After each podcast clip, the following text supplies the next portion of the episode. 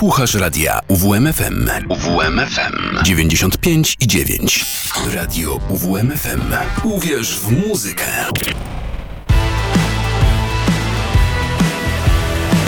Studio Kortowiada. Sorry, but I can't talk about this. My heart might fall into this. Our dreams are doing a twist. My sweet partner,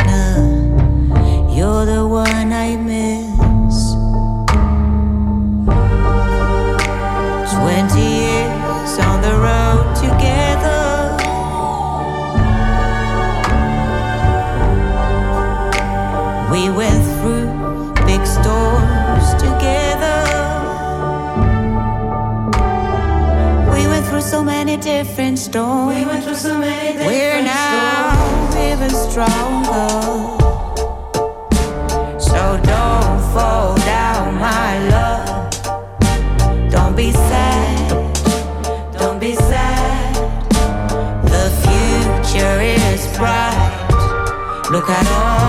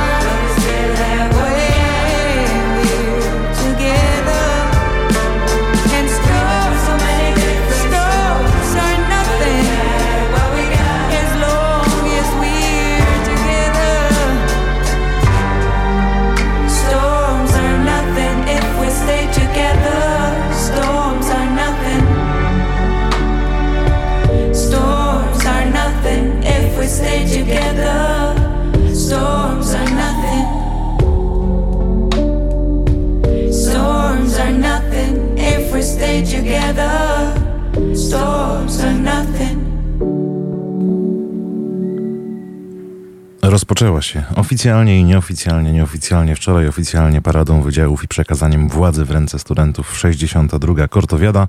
Piotr Szauer, witam serdecznie. Rozpoczynamy nasze e, specjalne spotkanie w audycji Studio Kortowiada. Postaramy się przekazać te emocje, które studentom towarzyszą od wczoraj. Będziemy opowiadać o poszczególnych wydarzeniach, e, które w program Juvenaliów są wpisane, o tych, które za nami, o tych, które przed nami. W studiu pojawiać będą się też goście imprezy, e, którzy dziś na przykład wystąpią na dużej festiwalowej scenie. Ym, Dajemy sobie czas mniej więcej do 22. Zobaczymy, jak to się wszystko ułoży.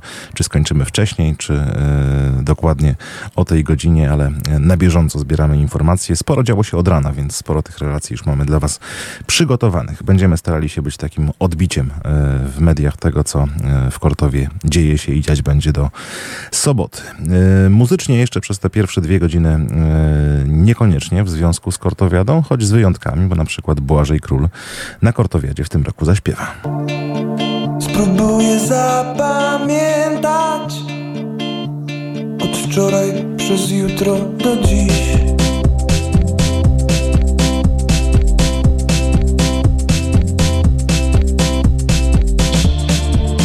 Opowiedz wszystko ze szczegółami Jak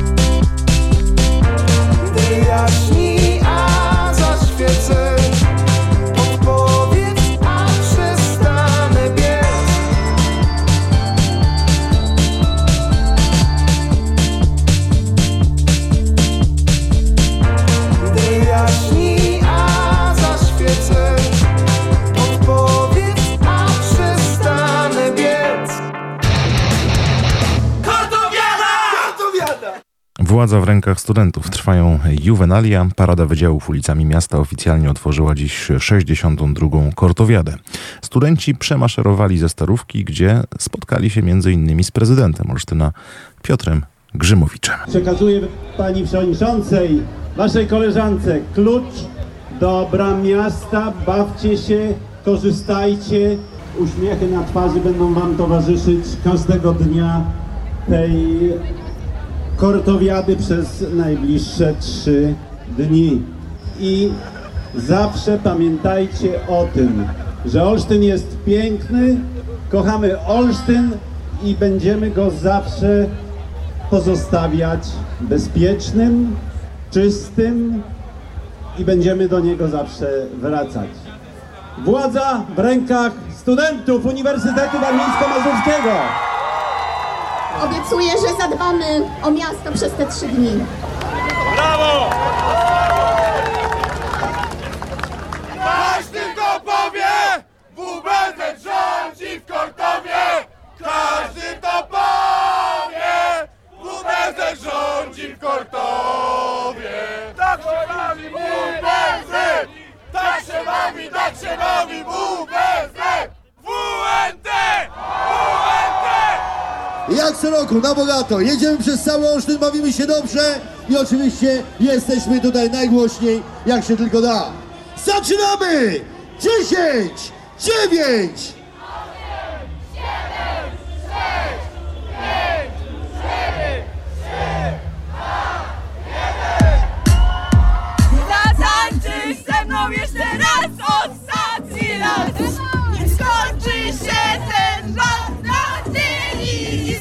się w nas, nie zgaśnie w nas Jak niepotrzebna łza Studenci przemaszerowali kolejno ulicami Prostą, Mochnackiego, Śliwy, Warszawską, Oczapowskiego i Dybowskiego. Dotarli do Kortowa.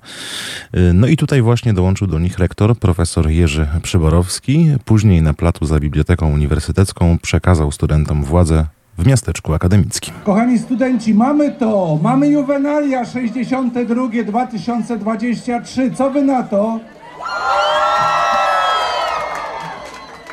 Bo jak nie my, to kto? Bo jak nie my, to kto? Bo jak nie my, to nie. Kochani, nie będę długo mówił, bo nie po to tutaj przyszliście, żeby mnie słuchać. Przyszliśmy tu po to, żeby przekazać wam co? A chcecie władzy? Czy chcecie władzy? Chyba chcą. Słuchajcie, zanim przekażę ten klucz i władzę w Kortowie studentom, to chcę przede wszystkim podziękować, bo słuchajcie, ci ludzie, samorząd studencki pod okiem prorektora do spraw studenckich i wielu, wielu, wielu innych osób przygotował wam to święto studentów. Podziękujmy im za to.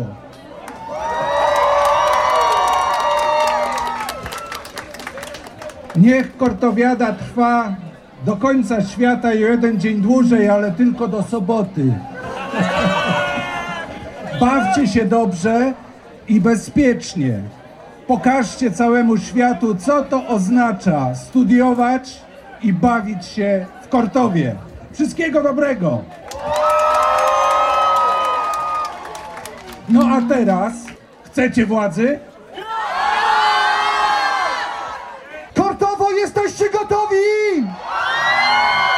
Panie rektorze, proszę czynić swoje obowiązki. Mamy władzę! Mamy władzę! Mamy władzę! Mamy władzę! Mamy władzę! Mamy władzę! Mamy władzę! Aleksandra, to jeszcze dobrze, ty musisz coś powiedzieć, bo nie ma tak łatwo. Co ja mogę wam dużo powiedzieć? Kortowo jest nasze.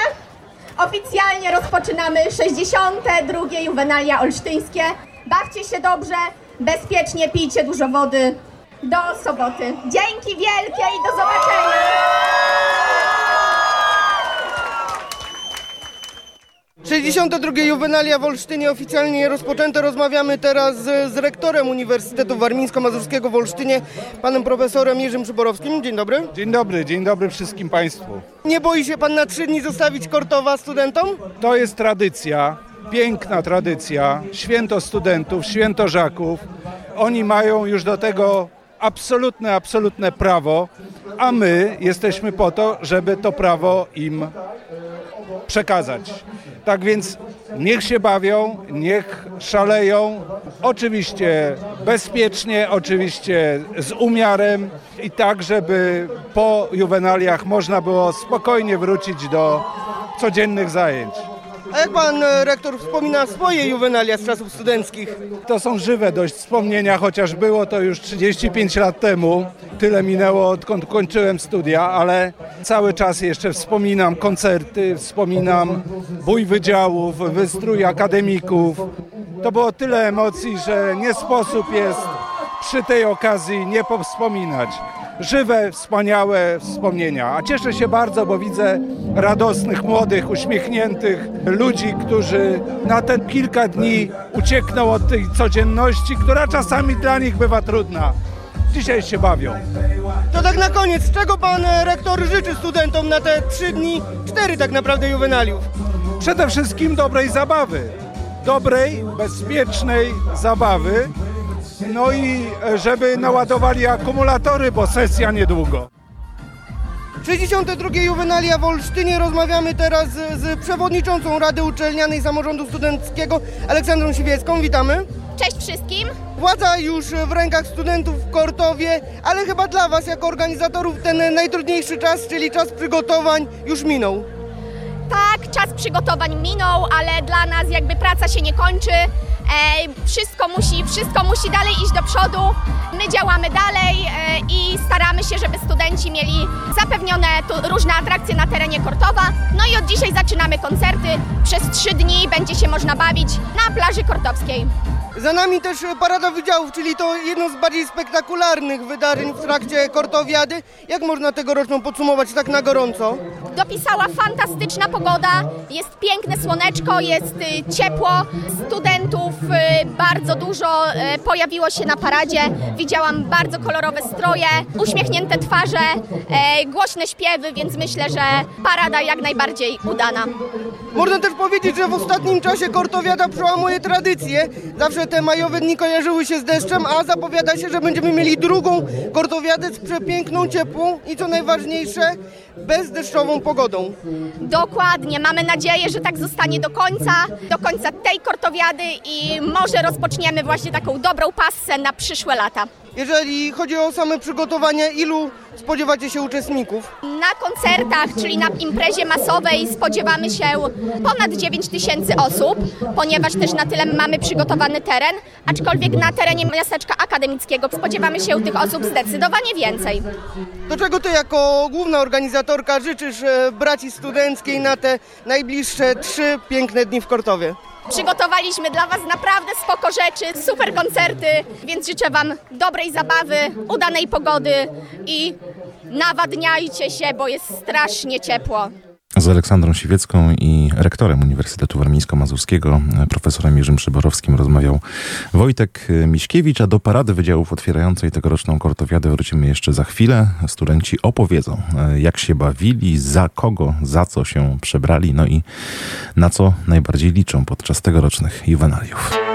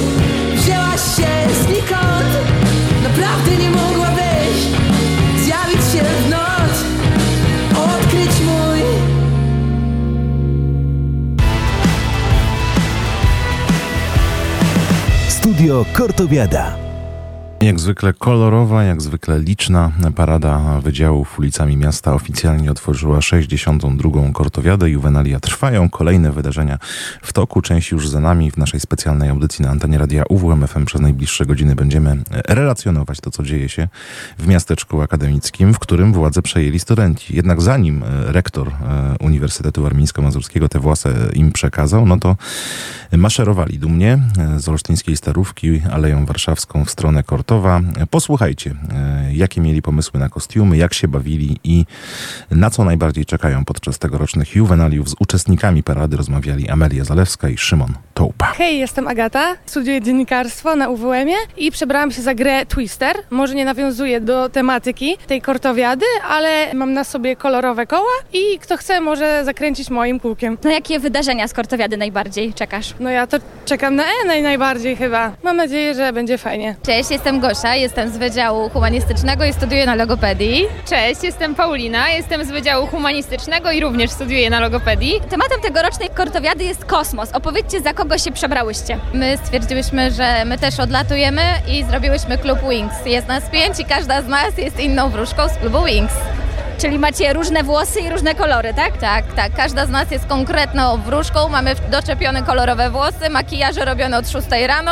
Czekamy na zabawę. Powiedzcie, na jakie wydarzenia tegorocznej kortowiady najbardziej czekacie? Myślę, że na koncerty, my najbardziej na Ralfa i nie możemy się po prostu doczekać, żeby go zobaczyć.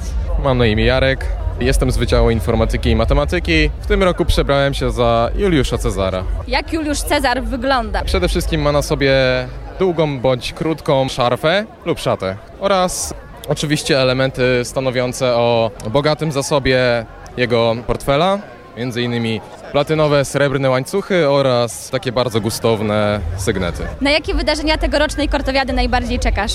Przede wszystkim czekam na koncert niejakiego Okiego oraz niejakiego między innymi White'a 2115, które odbędą się w piątek. Jestem Oliwia, studiuję budownictwo. Ja, Ewa, też studiuję budownictwo. A jak się bawicie podczas kortowiady? Bardzo świetnie. Wspaniale. Ona zgubiła konia, bo to kowbojka. A dlaczego cowboy? Szczerze, nie wiem, po prostu lubię jakby kowbojki same w sobie i stwierdziłam, że dobra, to jest dzień, żeby ubrać się z kapeluszem i dodatki. Jakie macie plany odnośnie tegorocznej edycji Juvenaliów? E, Bawić się naprawdę świetnie, no i przede wszystkim trochę odpocząć umysłowo od tego, co się dzieje na studiach. A na który koncert najchętniej czekacie? Ja chyba na White'a, właśnie na cały piątek, ale tak głównie to White. Na piątek na White'a. Rafał Wydziak Nauk Ekonomicznych. Bardzo miło poznać. Naprawdę jest cudowna zabawa. Ludzie tutaj się bawią, przebierają się. Kocham to, naprawdę. A za co się przebrałeś? Przebrałem się za Araba, za szejka i powiem tyle, że moi koledzy na przykład za parę Fredów Flintstonów i naprawdę bawimy się świetnie tutaj. Kortowiada jest najlepsza. Au! A jakie masz plany odnośnie tegorocznej edycji Juvenaliów? Po prostu się dobrze bawić. I Juvenalia są od tego, żeby się odmurzyć, zabawić, zresetować i tutaj to planujemy. Jednocześnie chciałbym e, jakieś nowe znajomości nawiązać i po prostu cieszyć się tym dniem. Kortowiada to ten dzień. Jestem Celina, studiuję na Wydziale Medycyny Weterynaryjnej. I jak się bawisz podczas parady? Super, e, jest bardzo mega. Spotykam bardzo dużo swoich znajomych i sobie idziemy z różnymi wydziałami, także jest mega, no. Różne klimaty, różna muza, różni ludzie, fajne przebrania, można spotkać dużo różnych osobistości, więc no mega, no. A za co się przebrałaś? Zaleśnego elfa. A dlaczego tak, a nie inaczej? Po pierwsze, trochę nie miałam czasu na przebranie, a to było takie, co miałam pod ręką akurat, e, nie pytaj. Bardzo lubię elfy i w sumie pasuje mi to. Jakie masz plany odnośnie tegorocznej edycji Juvenaliów? Będąc na wydziale, jakim jestem, no to połowicznie się bawić, połowicznie się uczyć. Niestety. No i w sumie, no tyle, nie? A na jaki koncert czekasz? Na kult najbardziej, nie? A resztę to tak zobaczymy, nie? Zobaczymy, co się będzie działo w trakcie i tak to. Cześć, jestem Sara, studiuję na Wydziale Geoinżynierii i studiuję e, budownictwo. Jestem kosmitką Yumi! O, i tak, dlatego na różowo. A czym ta postać jest? No postać jest moim wymysłem z własnej mojej głowy, inspiracją były różnego rodzaju bajki z dzieciństwa. Nazywam się Lena i jestem studentką piątego roku weterynarii. Widzę, że się przebrałaś e, tematycznie co do wydziału za bociana. Niekoniecznie jestem kurą nioską towarową, ale powiedzmy taki, więc było blisko. Było blisko, widzę, że jest transparent. Wszystkie kury, ręce do góry. Dokładnie. Ja mam jeszcze jeden przekaz. Trzeźwa kura jest ponura, polej, a nastroszy pióra. Taki też mamy właśnie e, slogan tutaj dla wszystkich e, studentów e, paradujących w tym korowodzie. A dlaczego ten strój, a nie co innego? Ponieważ na piątym roku zdajemy przedmiot choroby drobiu i po prostu w ramach manifestacji chcemy, aby poszło nam jak najlepiej. Jakie masz plany odnośnie kortowiady? No generalnie na pewno chcemy spędzić fajnie czas z naszymi znajomymi, potańczyć, potuptać, pośpiewać i e, troszkę się odprężyć od tego szału uczelni. Nazywam się Piotrek, byłem na geodezji, jestem teraz na historii. Polecam bardzo. To ja jestem Mateusz, jestem na naukach społecznych, socjologia dokładniej. Też mi miło bardzo. Jestem Michał, studiuję informatykę na Wydziale Matematyki i Informatyki. A ja jestem Krzysiek i studiuję mechatronikę na WNT. Jak się bawicie podczas parady wydziałów? Parada jest najlepsza, nie ma nic lepszego w tym roku. No dla mnie zrobiła wielkie wrażenie, naprawdę. No powiem, niezapomniane chwile będą. Kurczę jest pyte. Za co się przebrałeś? Bo widzę zbroja rycerska zrobiona z puszek. Kto to wymyślił? A, to pomysł to... Bo można powiedzieć, że wspólny, ale bardziej Piotrka, tak bym powiedział. No, co ja mogę powiedzieć? Po prostu rycerz okrągłego stołu. Jestem jednym z tych rycerzy i walecznie walczę dla dobra kortowiady o yy, tak, takie cechy jak waleczność, odwaga. E, Robiliśmy to zaledwie od 15 w zeszłym dniu do pierwszej godziny, więc nie jest tak źle jak na, na, na taką ilość godzin, tak? Ile, ile puszek napoju zostało wykorzystanych? E, Mieliśmy do dyspozycji około 400 puszek, tylko że wykorzystaliśmy No około setki, tak, to, to jest skromnie. Jakie macie plany odnośnie kortowiady? Ja zamierzam leżeć na górce, chłopaki le- zamierzają na koncerty chodzić. Zamierzam wyjść z tą zbroją na scenę do Ralfa Kamińskiego i zaśpiewać y, jego utwór y, z tym, z tym pieskiem Hał Hał. To jest mój plan na kortowiadę. No bo to jest mój ulubiony artysta, szczególnie mi się podobają te utwory, kiedy naśladuje y, dźwięki zwierząt. To są najlepsze wtedy. A reszta na co najchętniej czeka, jeśli chodzi o koncerty? Osobiście jedynie i kult. Ja to najbardziej na Łajciora czekam. Na White'a. To ja nazywam się Emilka, studiuję leśnictwo na Wydziale Rolnictwa i Leśnictwa. Jesteśmy na paradzie wydziałów. Za co się przebrałaś? Przebrałam się razem z koleżanką w Ortalion. A co to znaczy Ortalion? Mamy e, super dresy, super kurtałki i świetnie się bawimy. Jakie masz plany odnośnie kortowiady? Bawić się każdego dnia elegancko. A na jaki koncert najchętniej czekasz?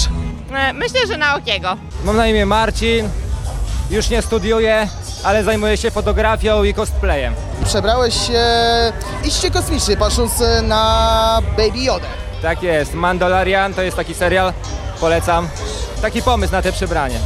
Czy masz jakieś plany odnośnie kortowiady? Dobrą zabawę, być na koncertach, może wszystkich, no i tyle. Ola, jestem z lekarskiego. Przebrałam się za absolwentów medycyny. Te studia trwają bardzo długo. Są bardzo stresujące i dlatego wyglądamy jak wyglądamy. Jak nastroje? Cieszymy się, to już nasza chyba ostatnia kortowiada i chcemy ją przeżyć najlepiej jak możemy. Jestem Łukasz, studiuję lingwistykę w biznesie właśnie na Humanie i przebrałem się za samuraja. Jak samuraj powinien wyglądać? Dobre pytanie, sam w sumie nie wiem. Tak sobie popatrzyłem na historyczne obrazki i zbiory w muzeach i sobie zrobiłem coś takiego z puszek właśnie. Czyli swój strój wykonałeś własnoręcznie. Tak, Opowiedz na jakie wydarzenia tegorocznej kortowiady najbardziej czekasz? na planszówki. A na jakieś koncerty może? Nie bardzo, jakoś line-up y, koncertowy mi się nie bardzo podobał. Hejka, jestem Kasia, jestem z gospodarki przestrzennej i przebraliśmy się ze znajomymi za znaki Zodiaku. Ja jestem strzelcem, mam łuk i wyglądam super. Na jakie wydarzenia tegorocznej kortowiady najbardziej czekasz? Na koncerty, na silent, a i na speed dating. Jak nastroje? Oj, dobrze. Cześć, jestem Michał. Skończyłem mechanikę, pracuję w zawodzie, ale stwierdziłem, że dzisiaj zostanę doktorem, aby uratować kortowiadę przed trzeźwością. Piękni, wspaniali ludzie, świetne humory, bawimy się jedwabiście. Dzieci wesoło wybiegły ze szkoły, zapaliły papierosy, wyciągnęły flaszki, chodnik zapluły, ludzi przepędziły, siedzą na ławeczkach i ryczą do siebie. Jak nastroje przed kortowiadą? Świetne, cudowne, cieszę się, że mogę spędzać ją z moimi przyjaciółmi.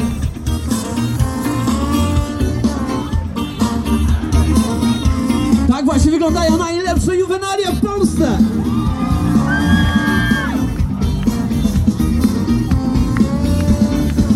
Kiedy miesiąc maj nadchodzi, Kuba tyle do sztyra Czasu jest naprawdę mało, kortowiada się zaczyna Duża reportaża, dziś o jednym tylko mowa Autobusy już zabrane, wszyscy jadą do Kordowa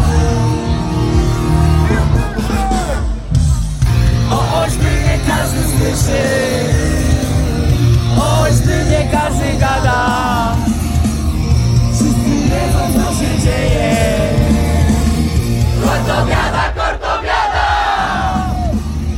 O Olsztynie każdy słyszy O Olsztynie każdy gada Wszyscy wiedzą co się dzieje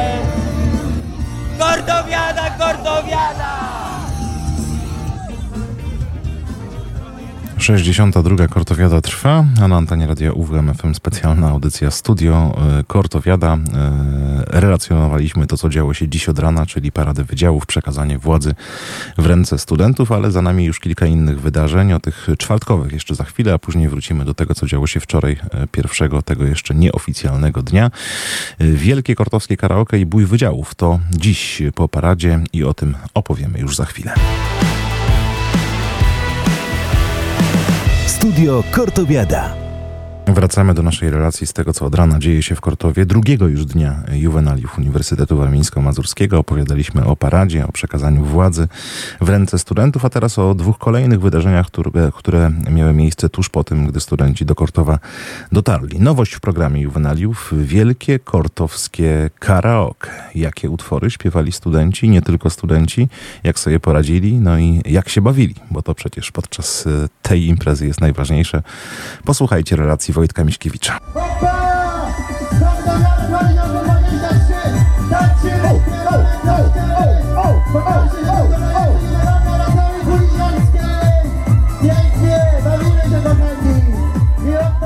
Dzień dobry, Jakub Bober. Wybrałeś e, przebój grupy Boys Jesteś szalona w trakcie karaoke. Dlaczego akurat to? Chciałem tutaj rozbawić publiczność disco polo, jestem fanem też tutaj muzyki i chciałem zapromować, że na Kortowiadzie nie będzie disco polo. Chciałem, aby pokazać na Kortowiadzie, że każdy styl muzyczny jest akceptowany, aby ludzi rozbawić. No i rozbawiłeś ludzi i cała publika z tobą śpiewała, tańczyła. To chyba najważniejsze, żeby się po prostu bawić na Kordowiadzie. Oczywiście, że tak. Najlepsza jest dobra zabawa, to był mój debiut na tak wielkiej scenie, szczerze miałem trochę stresu, chyba nie było widać. Nie było tego zdecydowanie widać, czułeś się jak e, ryba w wodzie na kordowiadowej scenie. Czego byś życzył studentom w trakcie tych dni? Studentom życzę dobrej zabawy, aby się świetnie bawili, spokojnie, bezpiecznie, jak najlepiej. Oby się dobrze bawili. Nie jesteś aniołem, mówię ci, jesteś szalona!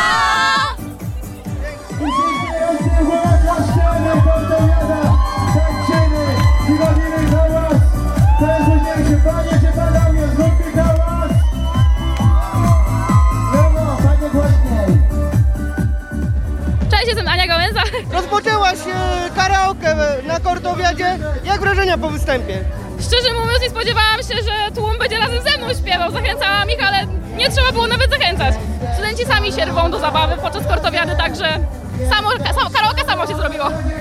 Wybrałaś dwa wielkie hity, Grup Sona na szczycie i Lady Punk Stację Warszawa. Skąd taki wybór? Może nie wyglądam, e, ale jestem fanką takich starszych piosenek trochę i klasyczków. E, Wybrałam te piosenki z tego względu, że jestem świadoma tego, że bardzo, bardzo dużo osób je zna po prostu i no, na każdej imprezie muszą się pojawić. Co byś powiedziała studentom na początku tej kortowiady? Czego byś życzyła sobie i innym na te szalone trzy dni w Kortowie? Sobie nie mam zielonego pojęcia, czego bym sobie życzyła, ale reszcie studentom życzę miłej zabawy i żeby się nawadniali, to jest najważniejsze. Jestem tego pewny, w głębi duszy o tym wiem, że gdzieś na szczycie góry wszyscy razem spotkamy się, mimo światła, który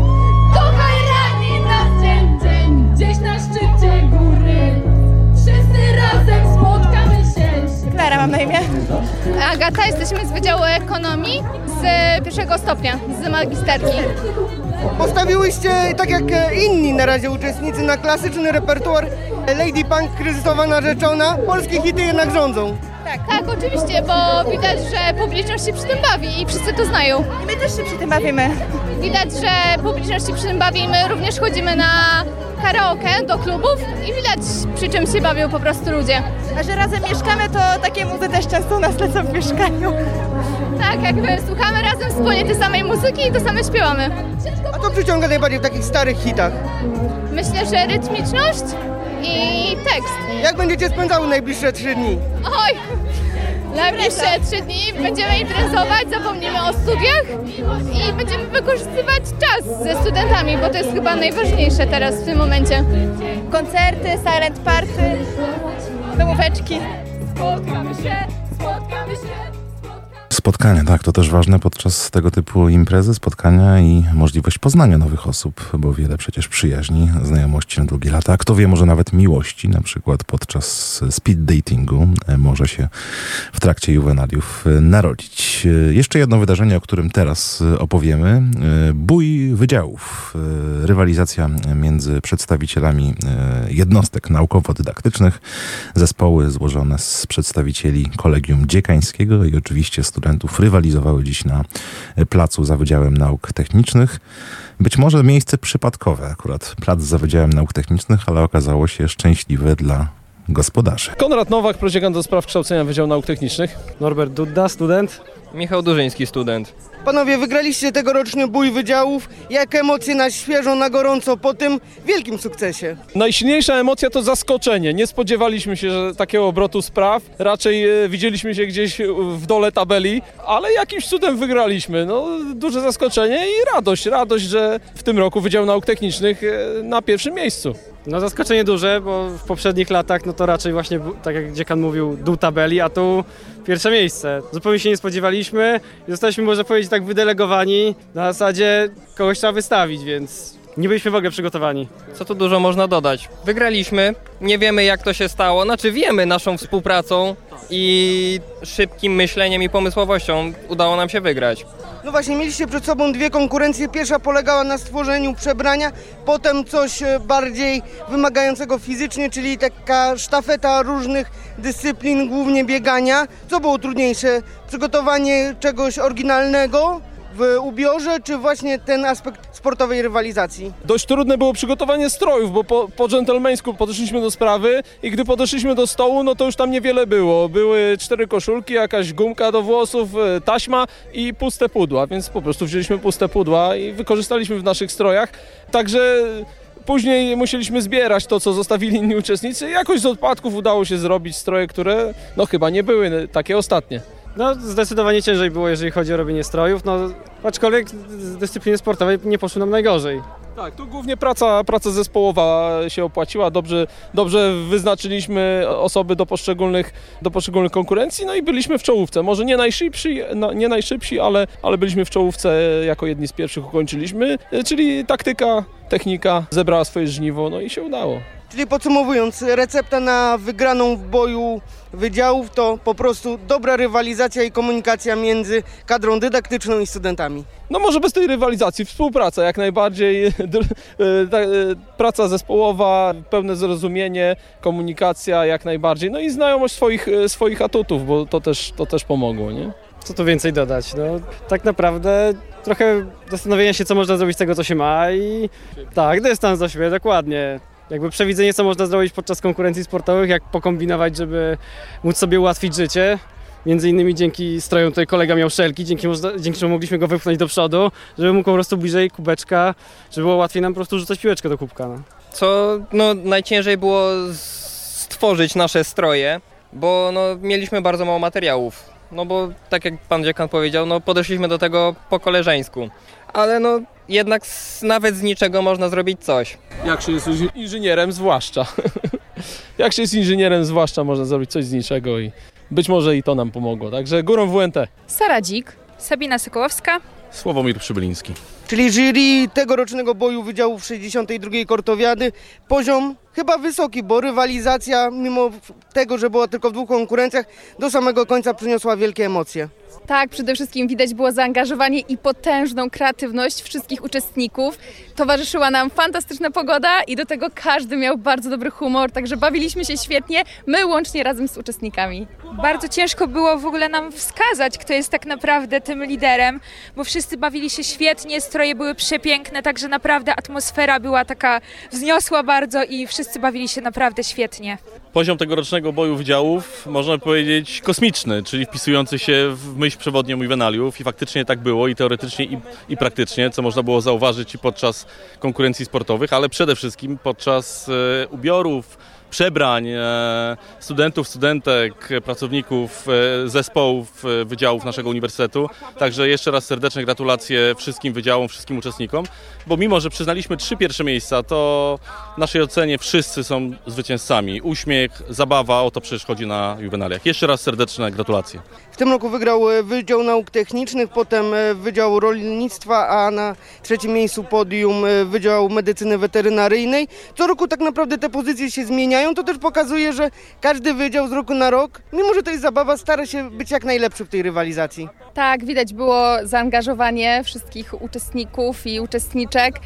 Naprawdę każdemu zależało, ale jednocześnie wszyscy też pamiętali, że jest to fantastyczna zabawa i że mimo już jest to jednak kompetycja, to humory przede wszystkim były bardzo optymistyczne i, i każdy do- dobrze się bawił. I to było widoczne też wśród widzów, bo oni również byli bardzo zaangażowani w pomoc i w dopingowanie innych uczestników. Wydarzenie rewelacyjne, można powiedzieć, jedno z licznych takich z wielką, wielką tradycją, która od lat jest na naszych juwenaliach i w mojej ocenie warto kontynuować, bo pokazuje to, że to dzisiejsze wydarzenie pokazuje, że jednak ma potencjał i jest naprawdę przyszłościowe. Także jeszcze raz serdeczne gratulacje. I też warto podkreślić, że chyba realizuje misję juwenaliów, czyli integrację pomiędzy kadrą e, naukową a studentami i skraca ten dystans, który no czasem jednak jest bardzo mocno widoczny na zajęciach czy też na akademickich korytarzach. Tak, widać też było w tłumie, e, że byli również absolwenci e, różnych wydziałów, e, także zabawa naprawdę wyśmienita, prowadzący bardzo otwarci, wspierający dla, dla swoich studentów i studentek, także wszyscy wzajemnie motywowali się. No, my mieliśmy bardzo dużą radość z tego, że mogliśmy to obserwować, troszeczkę też podpowiadać uczestnikom i uczestniczkom, także no, my jesteśmy wszyscy tutaj zachwyceni. Rewelacja. Tak, no trzeba powiedzieć, że wszyscy byli naprawdę zaangażowani i widać było tą taką e, współpracę wśród wszystkich. Także naprawdę świetna zabawa i to pokazuje takiego właśnie ducha naprawdę kortowiady. Tak, trzeba podkreślić wielką synergię między samym pomysłem e, a działaniem. Wśród studentów, wśród pracowników nie było tutaj widać żadnej różnicy. Współpraca naprawdę na bardzo wysokim poziomie, a na tym, tak jak pan rektor stwierdził, zależy nam najbardziej. Mimo, że studenci przed chwileczką z rąk pana rektora przejęli władzę w Kortowie na kilka dni, ale było widać, że wcale z tym się nie obnoszą i również, e, i również dają, dają możliwości w różnych konkurencjach sportowych swoim wykładowcom. Także jeszcze raz gratulacje za to, że jesteśmy razem jako wspólnota akademicka. I my też gratulujemy i przypominamy, że jeszcze takich rywalizacji międzywydziałowych, między akademikami również w programie Kortowiady kilka e, przed nami. To była relacja z boju wydziałów. Przypomnijmy, pierwsze miejsce Wydział Nauk Technicznych, drugie Wydział Rolnictwa i Leśnictwa, miejsce trzecie w tym roku dla Wydziału Medycyny Weterynaryjnej, który, przypomnijmy także, wygrał w tym roku zmagania w Lidze Wydziałów i dziś maszerował w pierwszym szeregu parady otwierającej juwenalia. Relacja Wojtka Miśkiewicza za nami, pierwsza godzina naszego kortowiadowego specjalnego spotkania w audycji Studio Kortowiada także za nami, ale e, to dopiero początek. Zostańcie z nami, już za chwilę wracamy. Za kilka minut opowiemy o tym, co działo się wczoraj, jeszcze podczas tego pierwszego nieoficjalnego dnia przed przekazaniem władzy. Studio Kortowiada. Czyli specjalna audycja towarzysząca juwenaliom Uniwersytetu Warmińsko-Mazurskiego. Jesteśmy najbliżej tego, co dzieje się w Kortowie i dziać będzie do soboty. A Kortowiada nieoficjalnie, jak już wielokrotnie wspominaliśmy, rozpoczęła się wczoraj o godzinie 15.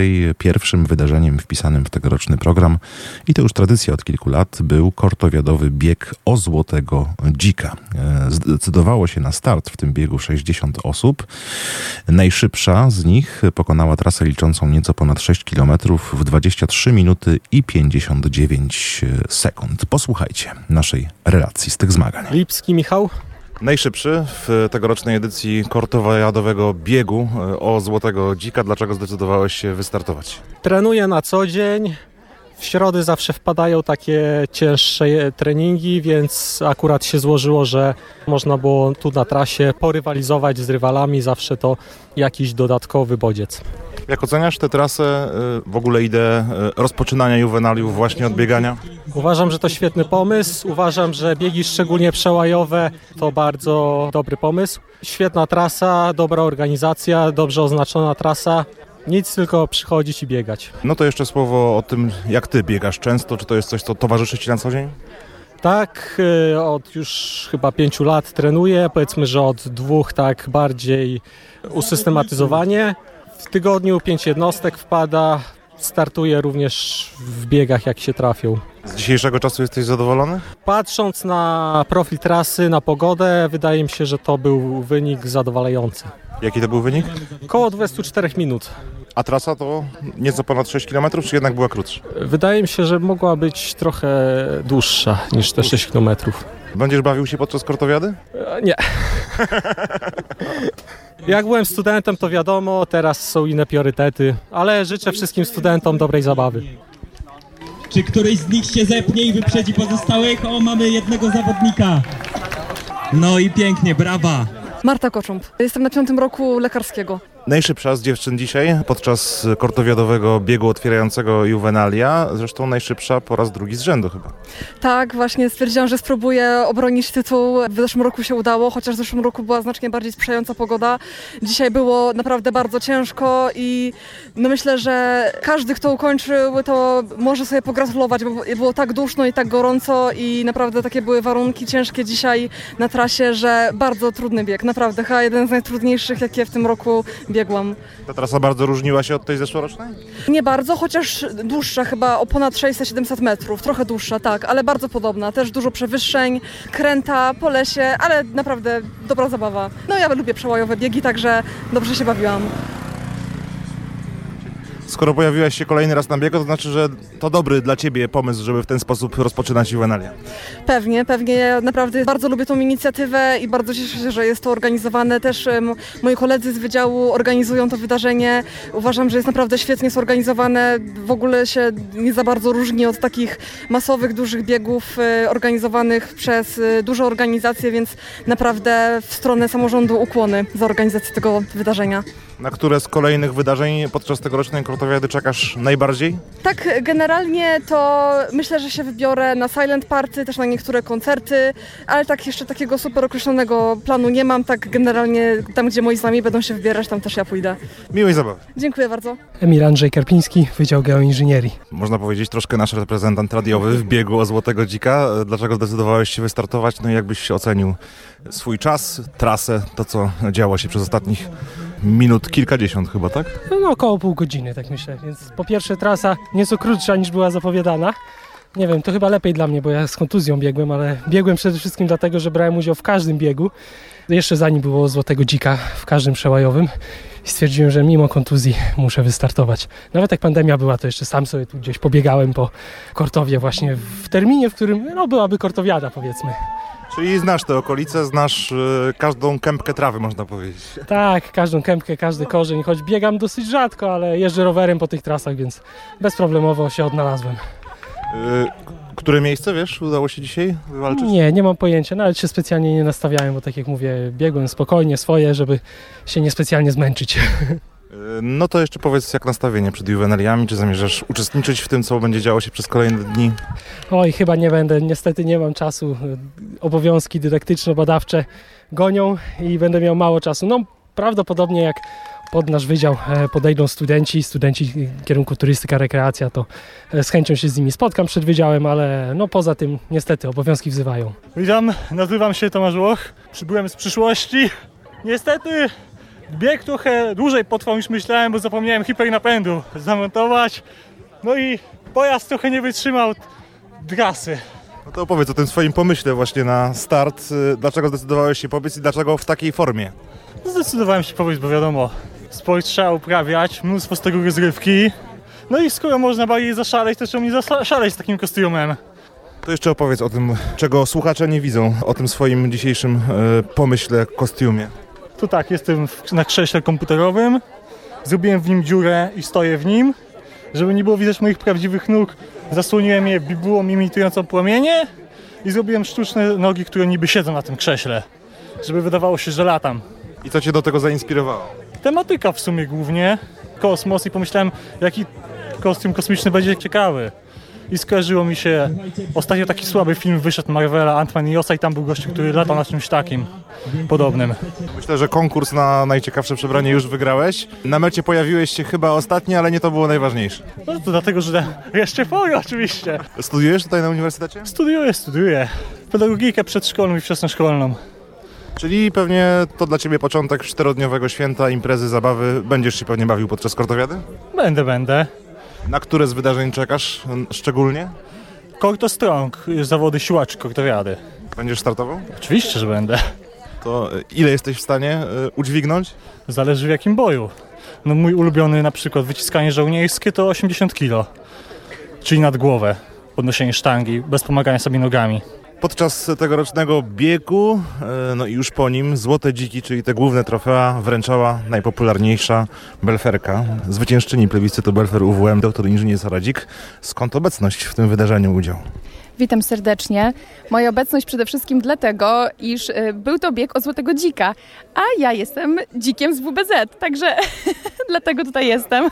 Dzisiaj szczególnie mocno kciuki trzymane były za studentów WBZ-u czy za wszystkich uczestników? Za wszystkich tak samo mocno, y, wszystkim kibicowałam, czekaliśmy do ostatniego zawodnika, także wszystkich równo traktowaliśmy. To chyba nic dziwnego, że najpopularniejsza wykładowczyni e, minionego roku pojawia się na Kortowiadzie. Na które z wydarzeń czeka najbardziej? Chyba jutro na bój wydziałów i na koncerty. Dzisiaj jeszcze będę uczestniczyła w integracyjnym meczu na wózkach inwalidzkich. Również świetne wydarzenie. Zresztą ja co roku e, jestem na Kortowiadzie, jestem ogromną fanką, a bardzo podoba mi się nowa formuła Kortowiady, więc to jest totalna przyjemność być tutaj. A który z koncertów naj, naj, naj w tym roku? Oj, chyba Oki i White. chyba najbardziej. Natomiast Kult, y, Molesta, wszyscy artyści są w tym roku wyjątkowo dla mnie fajni i planuję być no, prawie na wszystkich koncertach. Udanej zabawy. Dziękuję wzajemnie. Wszystkim udanej zabawy życzymy e, i gratulujemy tym, którzy zdecydowali się rozpocząć kortowiady właśnie na sportowo, uczestnicząc w kortowiadowym biegu. Oczywiście e, zwycięzcom, tym najszybciejszym, e, szczególnie gratulujemy. Wygrał Michał Lipski, drugie miejsce Błażej Marciszewski, trzecie Damian Lewandowski, a najszybsze dziewczyny tegorocznego biegu to Marta Kocząb, Dominika Hanusek i Róża Herenda. Wszystkie z tego co pamiętam z Wydziału Lekarskiego, więc Wydział Lekarski wybiegany, wysportowany. Tak trzeba. E, Nie tylko zabawa, nie tylko leniuchowanie, nie tylko koncerty, ale też aktywność sportowa. E, Wczoraj także, a propos aktywności e, sportowej, odbył się integracyjny mecz koszykówki na wózkach. Posłuchajcie relacji z tego wydarzenia, którą przygotowała Aneta Pawelczyk-Piłat. Jak cię położyć?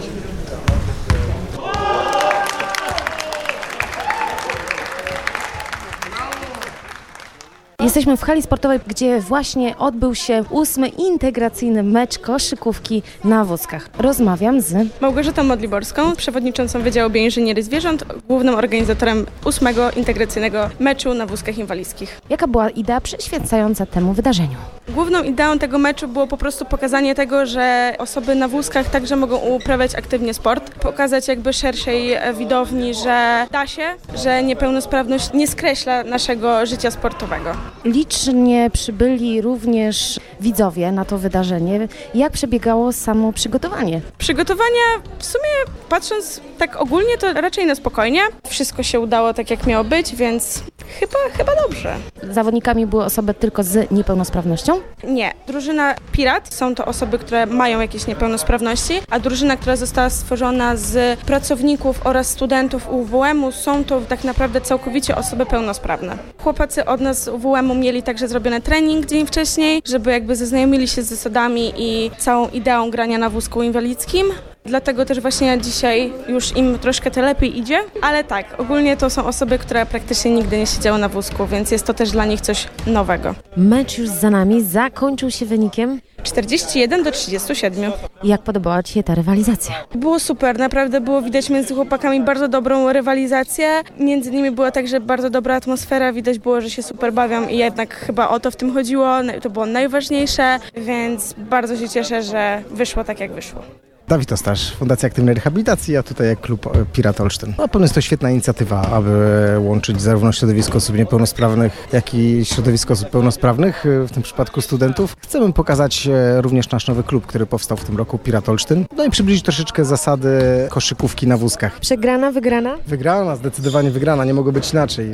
Trzymaliśmy na bezpieczny dystans naszych przeciwników i w ostatniej kwarcie ich dogoniliśmy i trzymaliśmy prowadzenie. Emocje do ostatnich sekund praktycznie meczu. Tak, i wydaje mi się, że właśnie udowodniliśmy, że koszykówka na wózkach jak najbardziej to są te same emocje, które towarzyszą każdemu ze sportów osób pełnosprawnych. W takim razie serdecznie gratulujemy i liczymy na więcej. Dziękuję, zapraszamy na nasze treningi, zapraszamy również na nasz turniej, który już w Olsztynie odbędzie się we wrześniu. Koszykówka na wózkach to mm, jest sport, który nie byłby możliwy bez specjalistycznego sprzętu. Czym różni się e, wózek do gry od takiego tradycyjnego, którym na co dzień porusza się się po ulicach?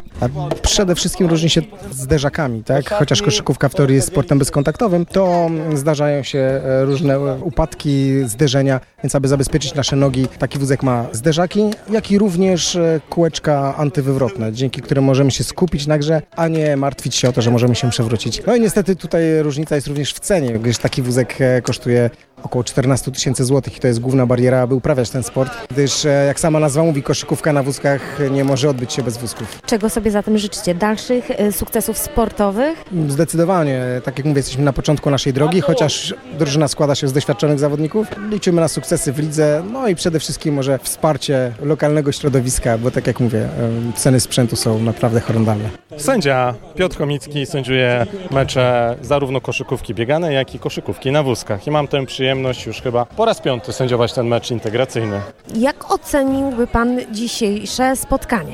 Oj, z tych wszystkich, które miałem przyjemność sędziować, no to wydaje mi się, że to było najbardziej zacięte, najbardziej dynamiczne, najbardziej pokazowe. Były zarówno rzuty za dwa punkty, za trzy punkty, rzuty wolne były, więc było tak naprawdę wszystko to, co jest e, w prawdziwym meczu ligowym. Jakże zacięta pod koszami rywalizacja.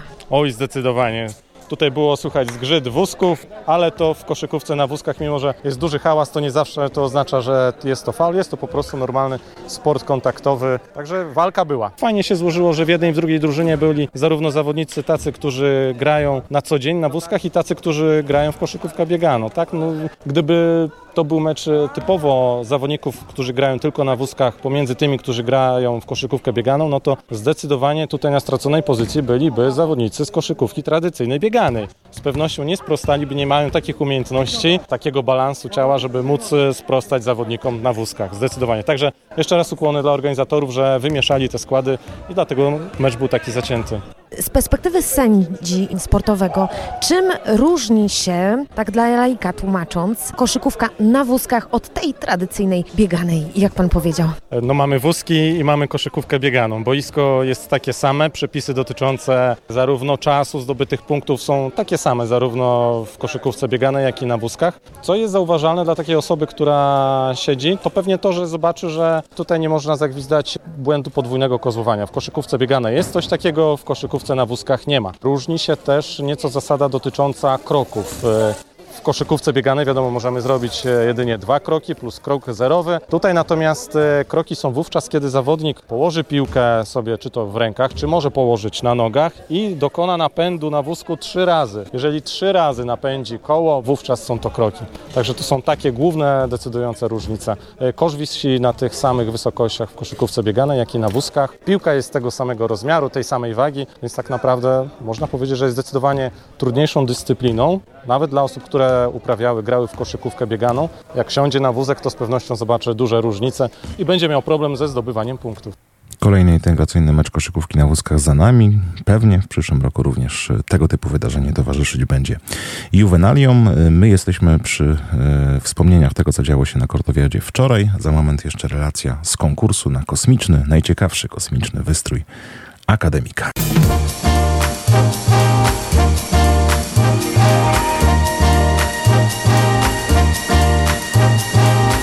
summer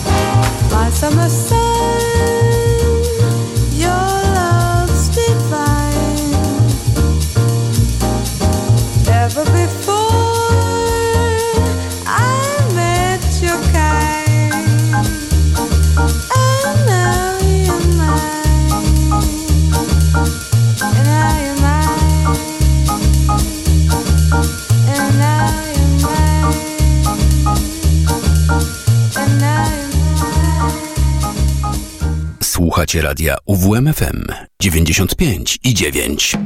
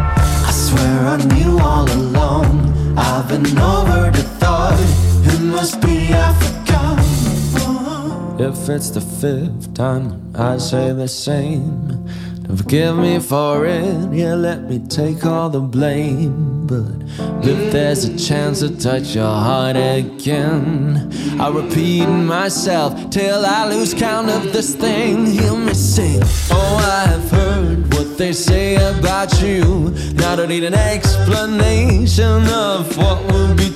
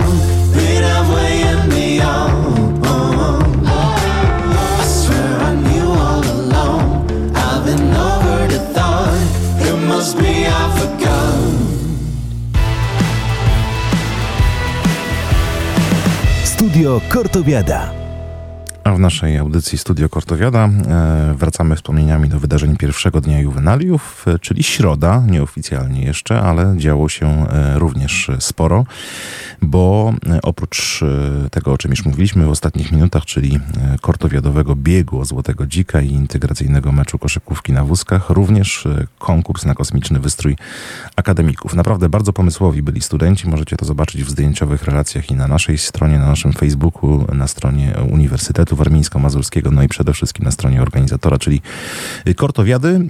Tradycyjnie dziękujemy Radzie Osiedla Akademickiego również za zaproszenie do grona jurorskiego oceniającego tę pomysłowość studentów mieszkających w domach e, studenckich. E, Aneta Pawelczyk-Piłat w tym roku e, wędrowała od DS-u do DS-u, ale także przysłuchiwała się temu, co opowiadali w takich specjalnie przygotowanych scenkach, no i przyglądała temu, co przygotowali, jeśli chodzi o wystrój. No i wreszcie, co najważniejsze z punktu widzenia naszej audycji, przygotowała także relacje.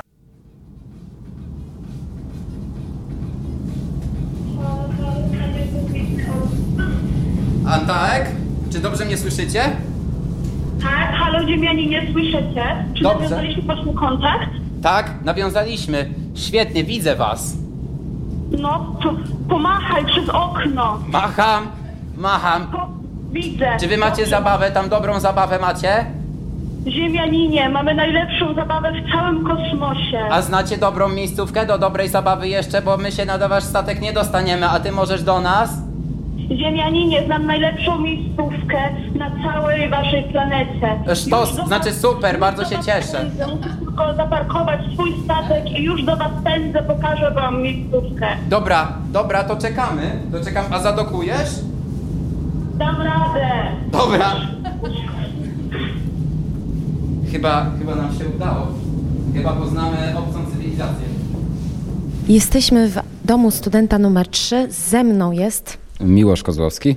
i ogłaszamy wielkie zwycięstwo na naszej radiowej antenie w konkursie na kosmiczny wystrój akademików. Zwyciężyliście. Serdecznie gratuluję. Dziękuję bardzo. Dziękuję bardzo. Jesteśmy naprawdę szczęśliwi i to jest dla nas wielki zaszczyt. Wielki zaszczyt i też wielka nobilitacja, bo to nie pierwszy raz taka nagroda. Nie pierwszy raz. W zeszłym roku wygraliśmy całościowo bój akademików. Wygraliśmy najpierw wystrój akademika, a również później w zawodach parasportowych, można rzec. Wygraliśmy również wystarczającą ilością punktów, aby wygrać całościowy bój akademików. To w takim razie trzymamy jeszcze za bój mocno kciuki. Co było inspiracją do stworzenia tej kosmicznej dekoracji? Cóż, stwierdziliśmy, że skoro tematyką tegorocznej kortowiady będzie kosmos, należałoby wykorzystać jak najwięcej technologii, którą mamy w akademiku i do tego celu wykorzystaliśmy przedmioty, które zakupowaliśmy wcześniej z nagród z kortowiad, jak i zeszłorocznej kortowiady. Wykorzystaliśmy w tym na przykład rzutnik, wykorzystaliśmy nagłośnienie i odpowiednie imprezowe oświetlenie, tak żeby stworzyć nastrój statku kosmicznego i podróży międzygwiezdnych. W ścianach znajdowały się mini dekoracje, które tworzyły ruszające się elementy o kosmicznym charakterze. Trudno było skonstruować tego typu dekoracje. Myślę, że na początku największym problemem było wymyślić, o jakiej tematyce mają być em, te planety i staraliśmy się, żeby to było jak najbliżej, można rzec, e, studenckim sercom. I wspólnymi siłami, myśląc całym naszym e, zgromadzeniem akademikowym, doszliśmy do tego. Czy kwestia samej konstrukcji nie była prosta? Nie była prosta. Wymagało to również burzy mózgów, ale tak, daliśmy radę. Daliśmy radę. Satysfakcja ogromna. Ogromna, naprawdę. I jesteśmy wszyscy przeszczęśliwi z wyniku. Dobry. Witamy Państwa bardzo serdecznie na przystanku Planeta Ziemia. Jeśli chcecie dostać się na najlepsze juwenalia w Polsce, czyli Kosmowiadę 3202, musicie przebić się przez naszą atmosferę. Żeby się tam dostać, potrzebujecie jetpacków. Czy macie coś w zamian dla mnie, żeby dostać jetpacki? No po jednym mamy już. Dobrze, to poproszę. Dziękuję. Dziękuję. Dziękuję. Dziękuję. Zapraszam. Proszę ustawić się w kolejkę. Ja mam do Was bardzo ważne pytanie. Czy Wy jesteście gotowi na tak fantastyczną podróż? Na 3-4. Jesteśmy. Także życzę miłego lotu i zapraszamy. Uwaga, startujemy. Jesteście gotowi? Tak. Tak.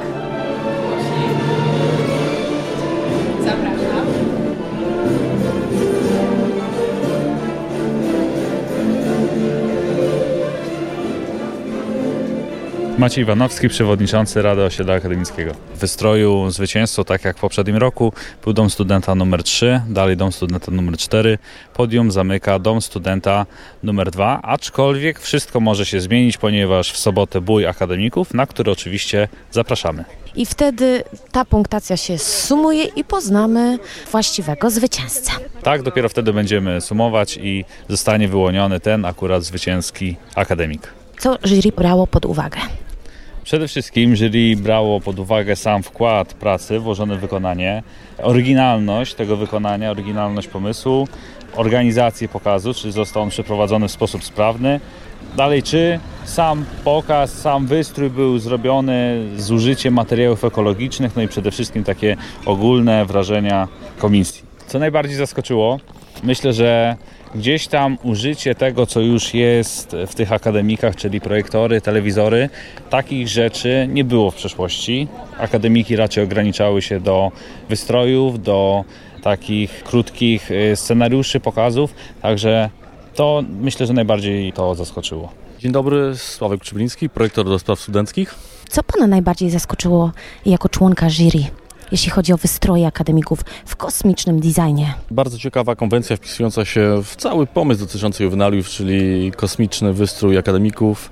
Co mnie zaskoczyło? Zaskoczyła mnie, chociaż można było się spodziewać, znając naszych studentów, i kreatywność, ich pomysłowość, wykorzystanie materiałów ekologicznych, bo taka też była myśl przewodnia, ale przede wszystkim uśmiech i dobra zabawa, bo to jest najważniejsze. Miejsca są bardzo ważne, ale też to, jak studenci się bawią, bo to w zasadzie dzięki studentom i dla studentów są te juwenalia. Także bardzo się cieszę, że bardzo wielu akademików i osób w nich mieszkających wzięło udział w tym e, ciekawym wydarzeniu. I tak jak powtarzam, e, kreatywność, pomysłowość e, i dobra zabawa, jak stoimy przed jednym z akademików, teraz widzimy, jak wyszli studenci, bawią się, śpiewają. To jest chyba najlepsze, co może nas spotkać podczas tego wydarzenia na juwenaliach. Bawili się wczoraj, bawią się i dziś zdecydowanie głośniej. Przecież na scenie już e, koncerty wybrzmiewają. E, O koncertach będziemy jeszcze e, mówić w audycji Studio Kortowiada. Na razie bierzemy krótki oddech i wracamy do Was za chwilę.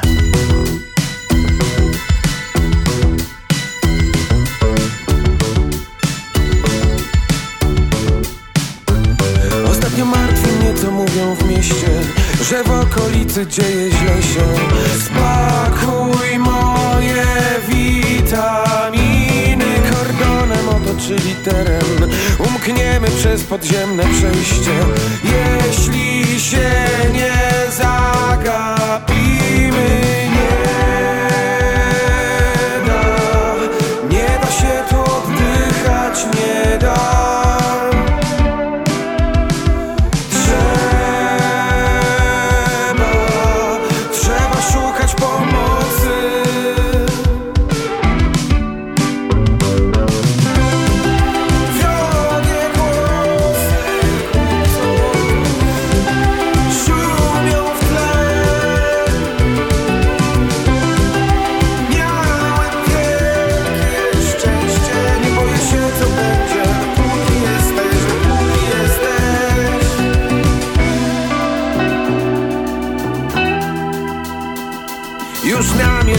nasze miejsce. Za chwilę ktoś tu po nas będzie. Spakuj moje witaminy. Usunąć profilowe zdjęcie I nie pojawiać się na mieście. Jakoś sobie poradzimy. Nie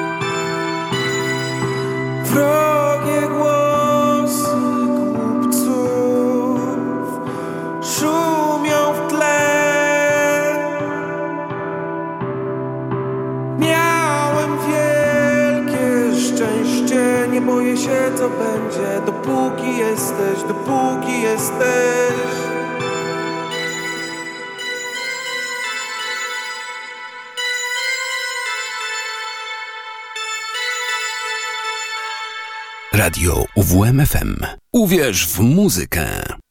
Jesteśmy nieustraszeni, bo w oczach widzę nasz zew. Tę srebrną nitkę chowamy gdzieś.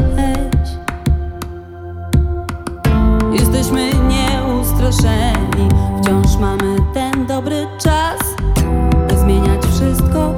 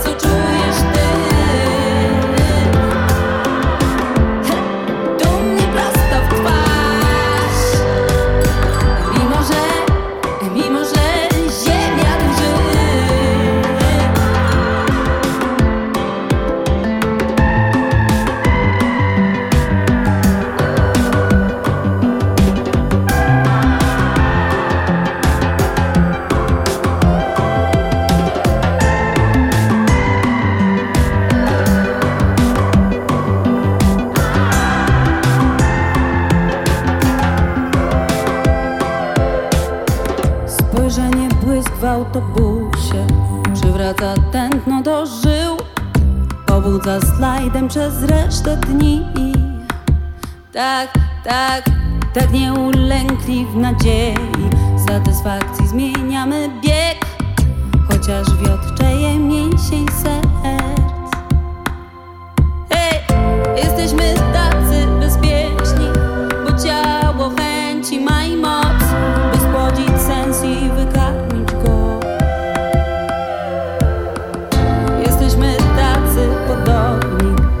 W oczekiwaniu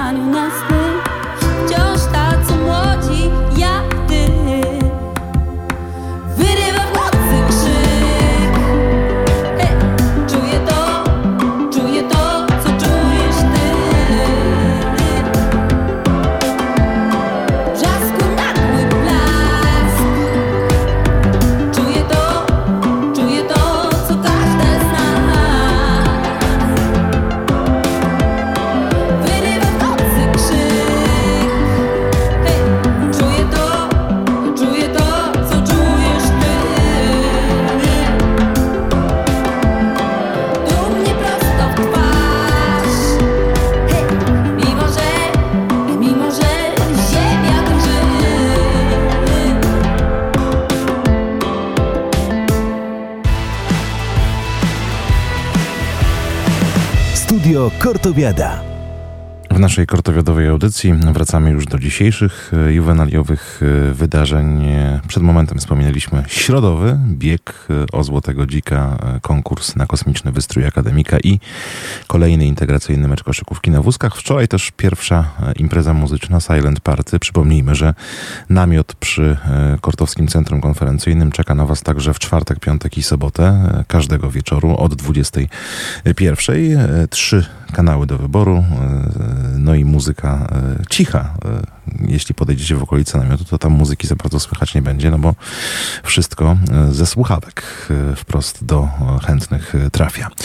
Ale my teraz nie o muzyce, jeszcze nie, jeszcze nie, chociaż będą i muzyczne atrakcje związane z juwenaliami, bo przecież trwają koncerty, już drugi występ na głównej juwenaliowej scenie w tym roku, ale e, zakończył się już chyba na dziś festiwal gier planszowych, jeden z dwóch, bo dziś i jeszcze w sobotę w nieco innej formule będzie można wybrać się, e, by pograć w planszówki. E, Z tego zaproszenia e, dziś już skorzystali Ania Makarewicz i Szymon Tołpa, no i przygotowali dla Was oczywiście relacje. Nazywam się Wojtek i pełnię funkcję koordynatora na festiwalu gier planszowych. Skąd taki pomysł, by na Kortowiadzie pojawił się festiwal gier? Pomysł e, jest z zeszłego roku. Po prostu postanowiliśmy odnowić tą akcję. Mamy na naszym wydziale, na WMI, strefę retro, w której właśnie kolekcjonujemy i wypożyczamy planszówki i stwierdziliśmy, dlaczego nie zrobić by tego na Kortowiadzie. Ktoś konkretny był inicjatorem tej akcji? Tak, e, między innymi e, Natalia Grodzka, nasza przewodnicząca, Jacob, nasz główny planszówkowy maniak i, i głównie ja. Na festiwal zapraszamy wszystkich, od e, ludzi, którzy chcą po prostu casualowo zagrać w jakąś planszówkę, czy po prostu chcą się dobrze pobawić ze znajomymi. Naprawdę przekrój akurat planszówek mamy ogromny. Jaki macie zasób y, tych planszówek? Jak wbijaliśmy wszystko w system, wyszło nam ponad 120 rekordów, więc y, no pozycji jest dużo.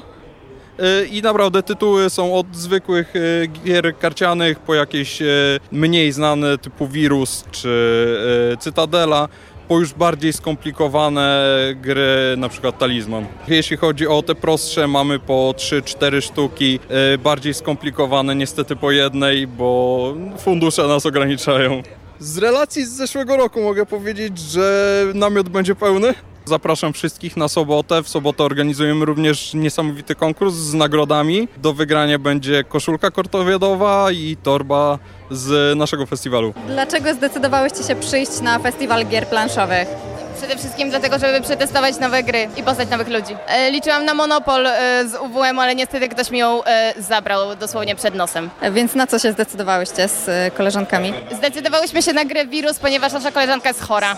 Więc chciałyśmy ba- bardzo tematycznie jakby wejść po prostu w e, ten turniej gier planszowych. Festiwal gier planszowych dla mnie jest bardzo udanym e, wydarzeniem. Wiem, że spotyka tam się wiele osób, które się bawią, które czują po prostu ten klimat. E, To jest może specyficzny klimat, ale osoby, które tam są, po prostu wiedzą, co tam się dzieje, e, bawią się tak, jak potrafią i, i to jest dla nich fajne. Nie każdy tam może pójść, naprawdę. Nie każdy tam może być, nie każdy tam może się odnaleźć, ale te osoby, które tam są, tak jak ja, które tam chodzą, to one po prostu czują to, czują to. e, To jest klimat, który jest niezastąpiony. A jakie cechy trzeba spełniać, żeby na festiwalu dobrze się odnaleźć? E, Trzeba lubić gry, trzeba lubić się bawić, trzeba lubić wspólną taką rywalizację i tyle. Jestem Filip i studiuję na Wydziale Prawa, Prawo. Jesteście z grupą znajomych, wybraliście grę Dylematy. O czym e, ta gra jest?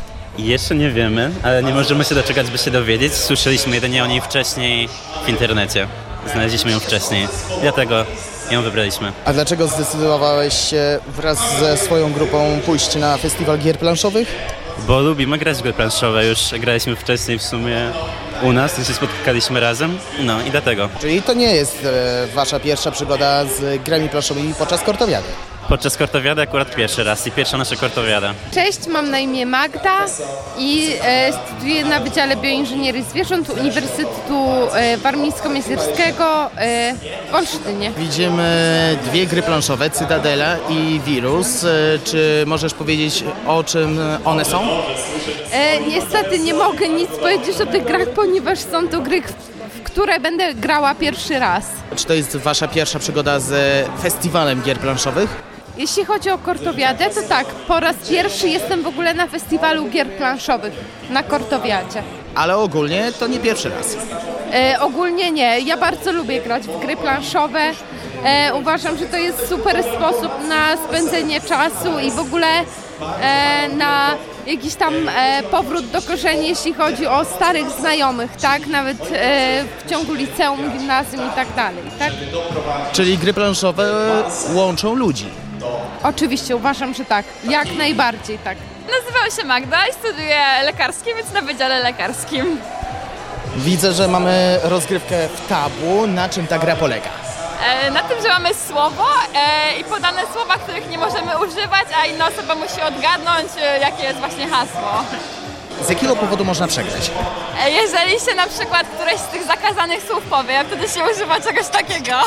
No i przychodzi później jakby runda dla kolejnej drużyny.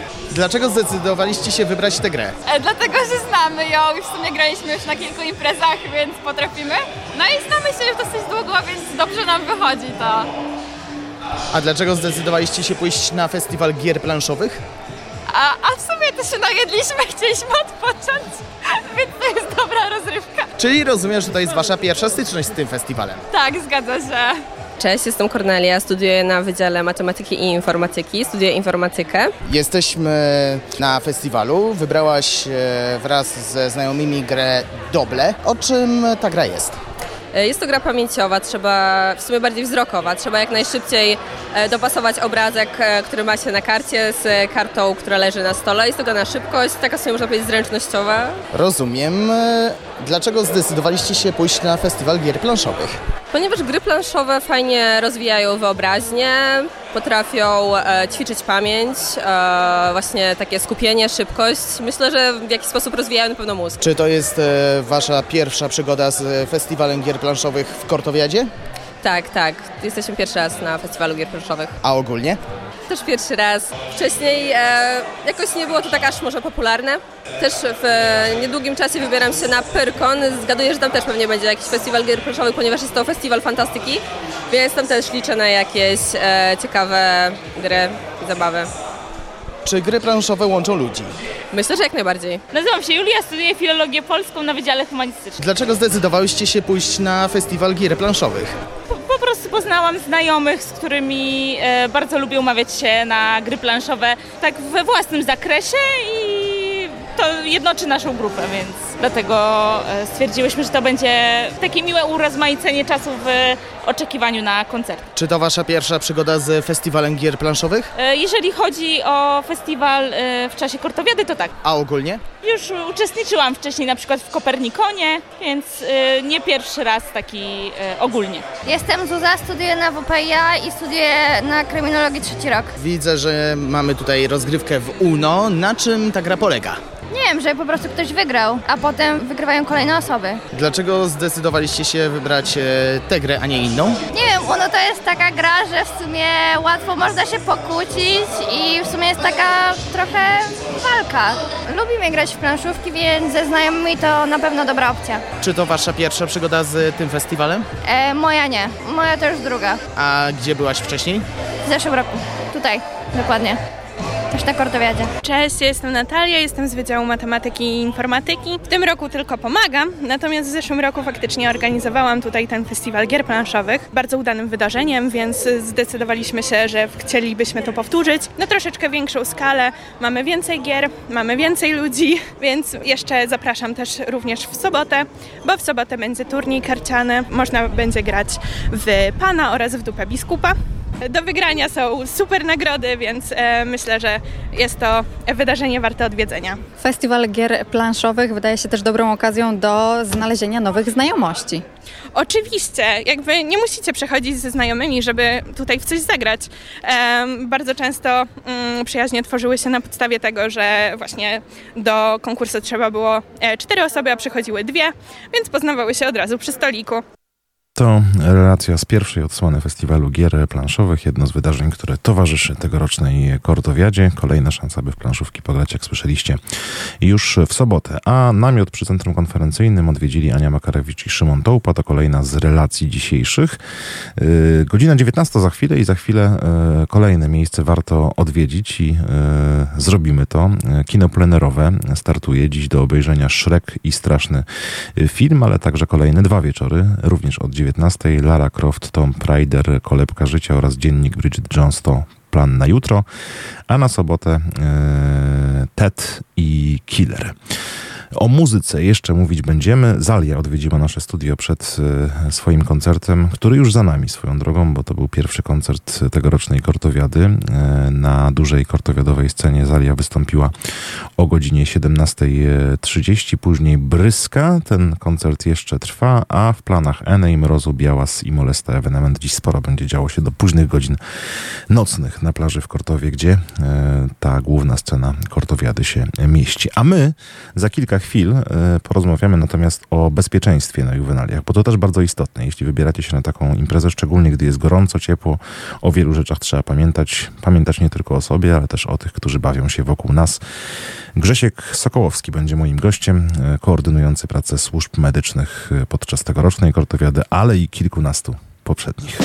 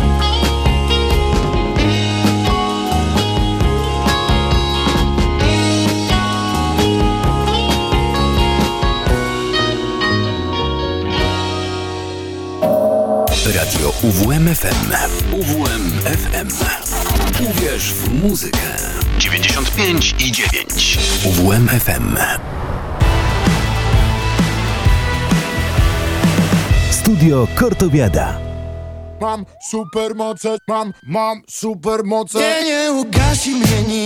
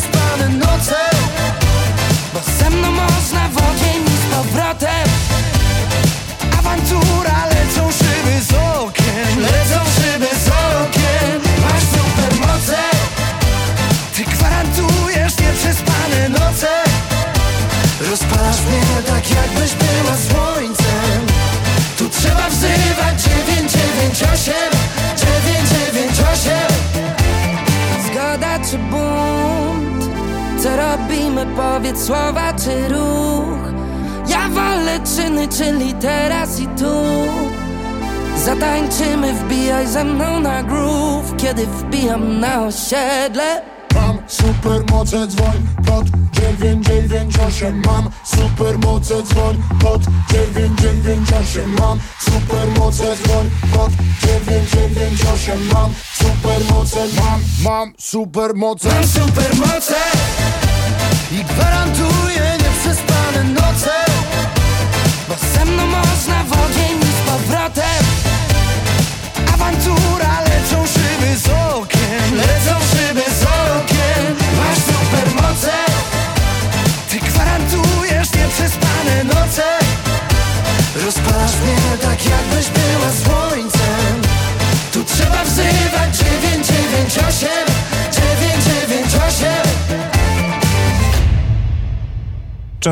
podkreślamy, że juwenalia to oczywiście dobra zabawa, ale też e, kortowiada jest jedną z bezpieczniejszych imprez, a dba o to cały sztab e, osób. Jedna z tych osób staramy się, by pojawiała się także zwykle przy okazji juwenaliów w naszym studiu. Grzesiek Sokołowski, cześć, witaj. Cześć, witam. Grzegorz, odpowiadasz za cały sztab ludzi, którzy pracują nad naszym bezpieczeństwem, którzy interweniują, gdy dzieje się coś e, złego, e, różne przypadki e, medyczne. Jak wiele osób pracuje na terenie kortowiady w tej chwili? Na chwilę obecną mamy ponad 40 osób, dwie karetki z pełną załogą i oprzyrządowaniem, dwa kłady ratownicze z przyczepami do transportu poszkodowanych oraz jest całodobowy punkt medyczny, który funkcjonuje 24 godziny na dobę, który mieści się mm, w okolicach domu studenckiego numer 7, bezpośrednio na Kacrondzie.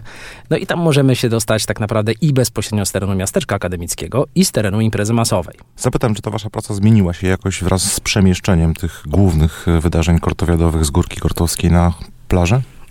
Zdecydowanie tak. Na chwilę obecną mamy dużo mniej urazów takich izolowanych kończyn, które wynikały z terenu, oczywiście dosyć niekorzystnego. No i przede wszystkim zmieniła się kultura zabawy. Po tym okresie pandemicznym e, widzimy, że zupełnie inaczej młodzież się bawi. W związku z tym też po prostu jest bezpieczniej. Zawsze było bezpiecznie, zawsze o to dbaliście i też podkreślaliśmy, że mimo tych wypadków, które wszędzie zdarzają się przy okazji e, imprezy masowej, wiadomo, potknąć można się nawet w najbezpieczniejszym miejscu na świecie, a podczas tańczenia o e, kontuzję kończyny bardzo łatwo, e, szczególnie jeśli nie jest to przygotowana pod taniec stricte powierzchnia. No to powiedz, czego się po tej tegorocznej kortowiadzie spodziewasz, jakie masz też rady, uwagi dla tych, którzy dziś, w piątek i w sobotę będą bawić się podczas koncertów, ale także w innych punktach miasteczka akademickiego. Przede wszystkim temperatura nas rozpieszcza, w związku z tym pamiętajmy, aby się nawadniać, tak? Y, Te 3-4 litry wody dziennie to jest absolutne minimum, żeby zapewnić odpowiednie nawodnienie naszego organizmu. Pamiętajmy o Wodę, tym, aby bawić podkreślmy wodę. Tak, tak, nie ognista. Pamiętajmy też o tym, żeby bawić się bezpiecznie i pamiętajcie, że jesteśmy z wami. Jeżeli cokolwiek się dzieje, możecie przybyć do nas na punkt medyczny bezpośrednio. Możecie również zadzwonić na numer ratunkowy, który specjalnie na potrzeby kortowiady funkcjonuje. To jest 511 77 6601. On jest widoczny praktycznie w każdym miejscu w Kortowie. Każda osoba, która ma identyfikator, ma ten numerek na identyfikatorze. Na płotach są banery z tym numerem. Na każdej portierni w akademiku nawet ten numerek się znajduje. Także tutaj najszybciej otrzymacie pomoc i przede wszystkim tę pomoc macie na miejscu. Możemy się poszczycić tym, że w zeszłym roku żadna osoba bezpośrednio od nas nie trafiła do systemu miejskiego, a to jest naprawdę wyczyn przy tak ogromnej imprezie. Czyli dbacie, e, jeśli już coś się dzieje na miejscu, e, jesteście w stanie zaopatrzyć, zabezpieczyć osoby, które jakiejś kontuzji doznają podczas zabawy. Dokładnie, jest sztab ludzi, który czuwa nad waszym bezpieczeństwem. A co dzieje się zwykle podczas takich imprez i też na co uważać? Oprócz tego, że warto się nawodnić, e, różne historie dzieją się na terenie imprezy masowej. Na co uważać? Przede wszystkim uważać na różne dziwne substancje, które mogą się pojawić, tak? Bo jeżeli chodzi o takie rzeczy, powiedzmy sobie, znane, no to my wiemy, jak sobie z tym poradzić, tak? E, Narkotyki, które funkcjonują przy najróżniejszych e, miejscach, są raczej takie miarodajne. My wiemy, co robić. Natomiast uważajmy na proponowane pigułki nieznanego pochodzenia, płyny, które są przezroczyste, bezwonne, bezbarwne i łatwo je dodać do różnych rzeczy, ponieważ dopalacze naprawdę są bardzo trudne tak naprawdę do reakcji z naszego medycznego punktu widzenia.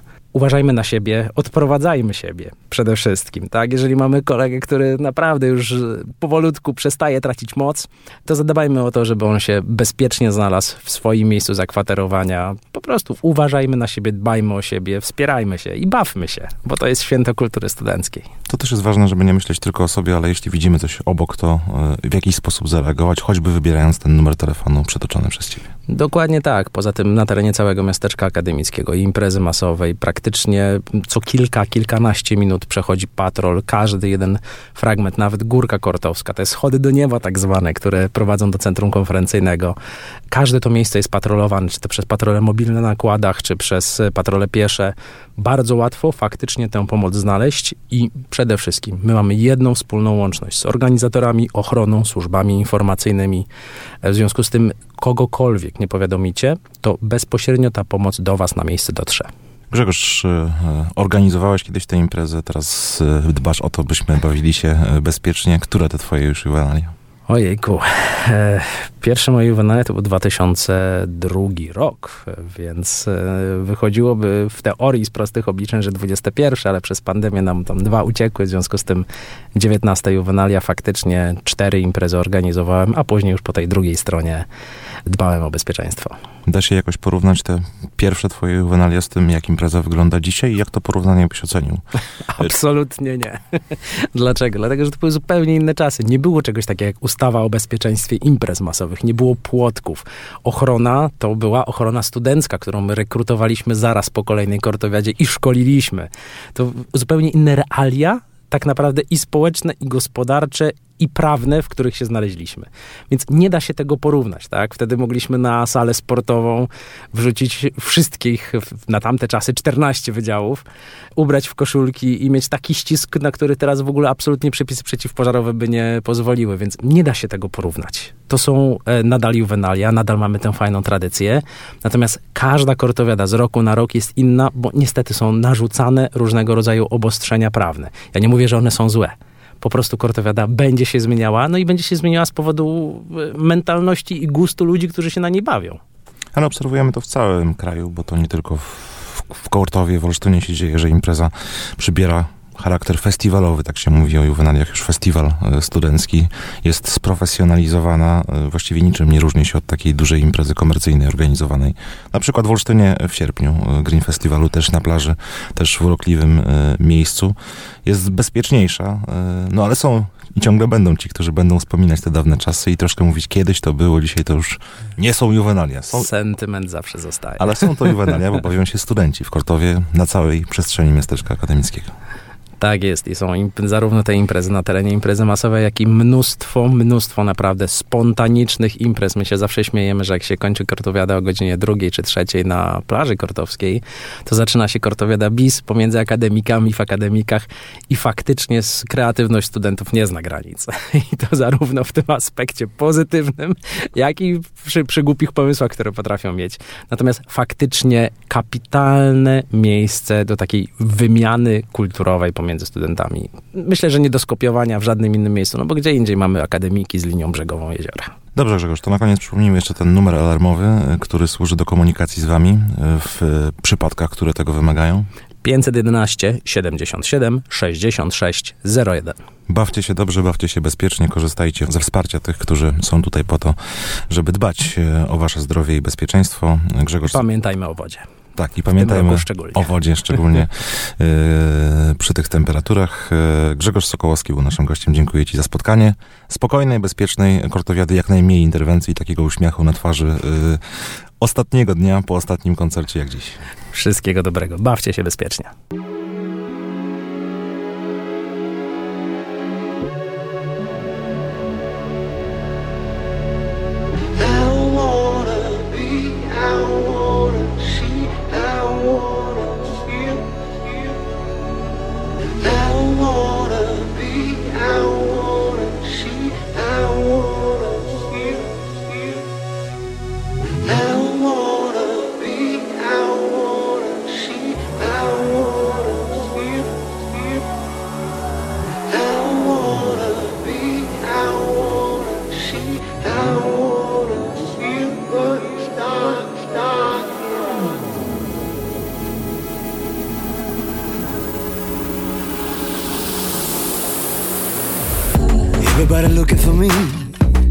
Gotta say so now that I can be no longer free.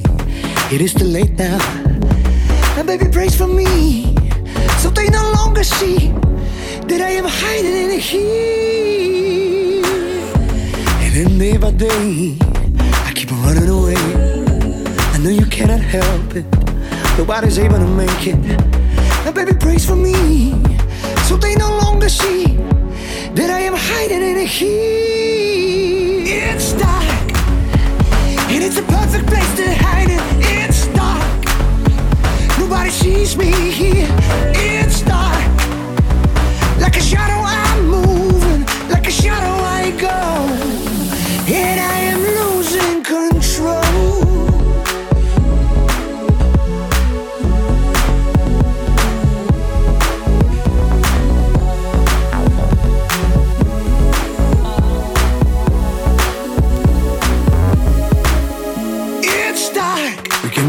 game, but it'll be all the same.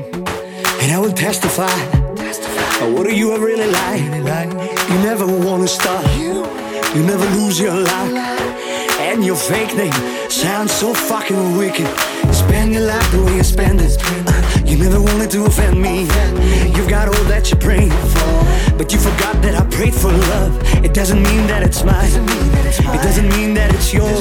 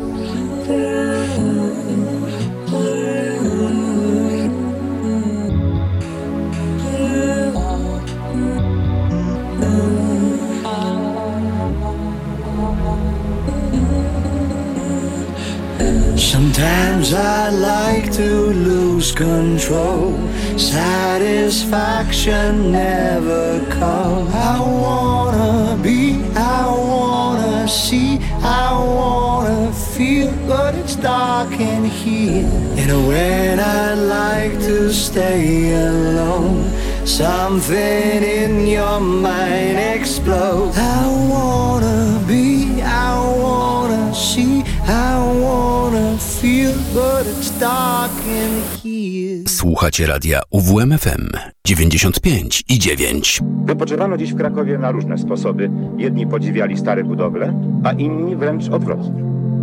My zaś powróciliśmy nad Wisłę, w sąsiedztwo sędziwego Wawelu, którego już nic nie może ani zadziwić, ani zgorszyć.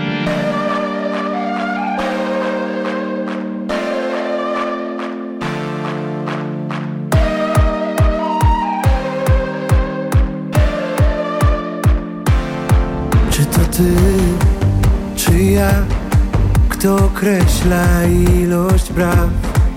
Nasze kroki napędzane pulsem miast. Tak, możesz spaść, jeśli grasz, możesz zostać szybko sama, ale dla mnie zawsze będziesz sednem spraw. Mówisz do mnie, chcę tych wspomnień Chciałabyś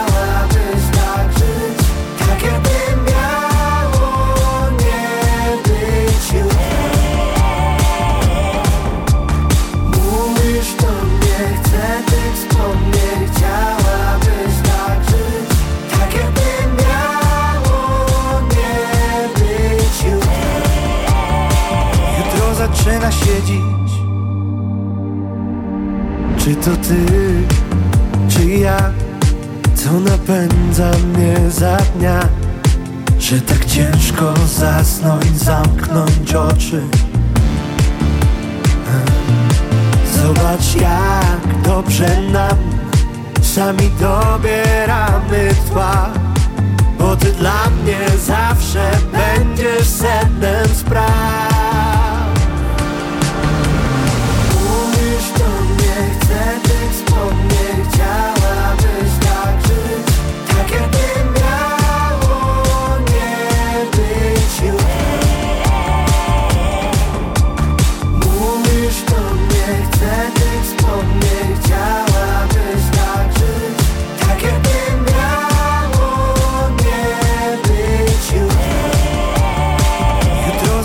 siedzi. Przyznam ci tak. Szczętny być łódku, że nie, nie ma trzeba Spędza większość życia w nocy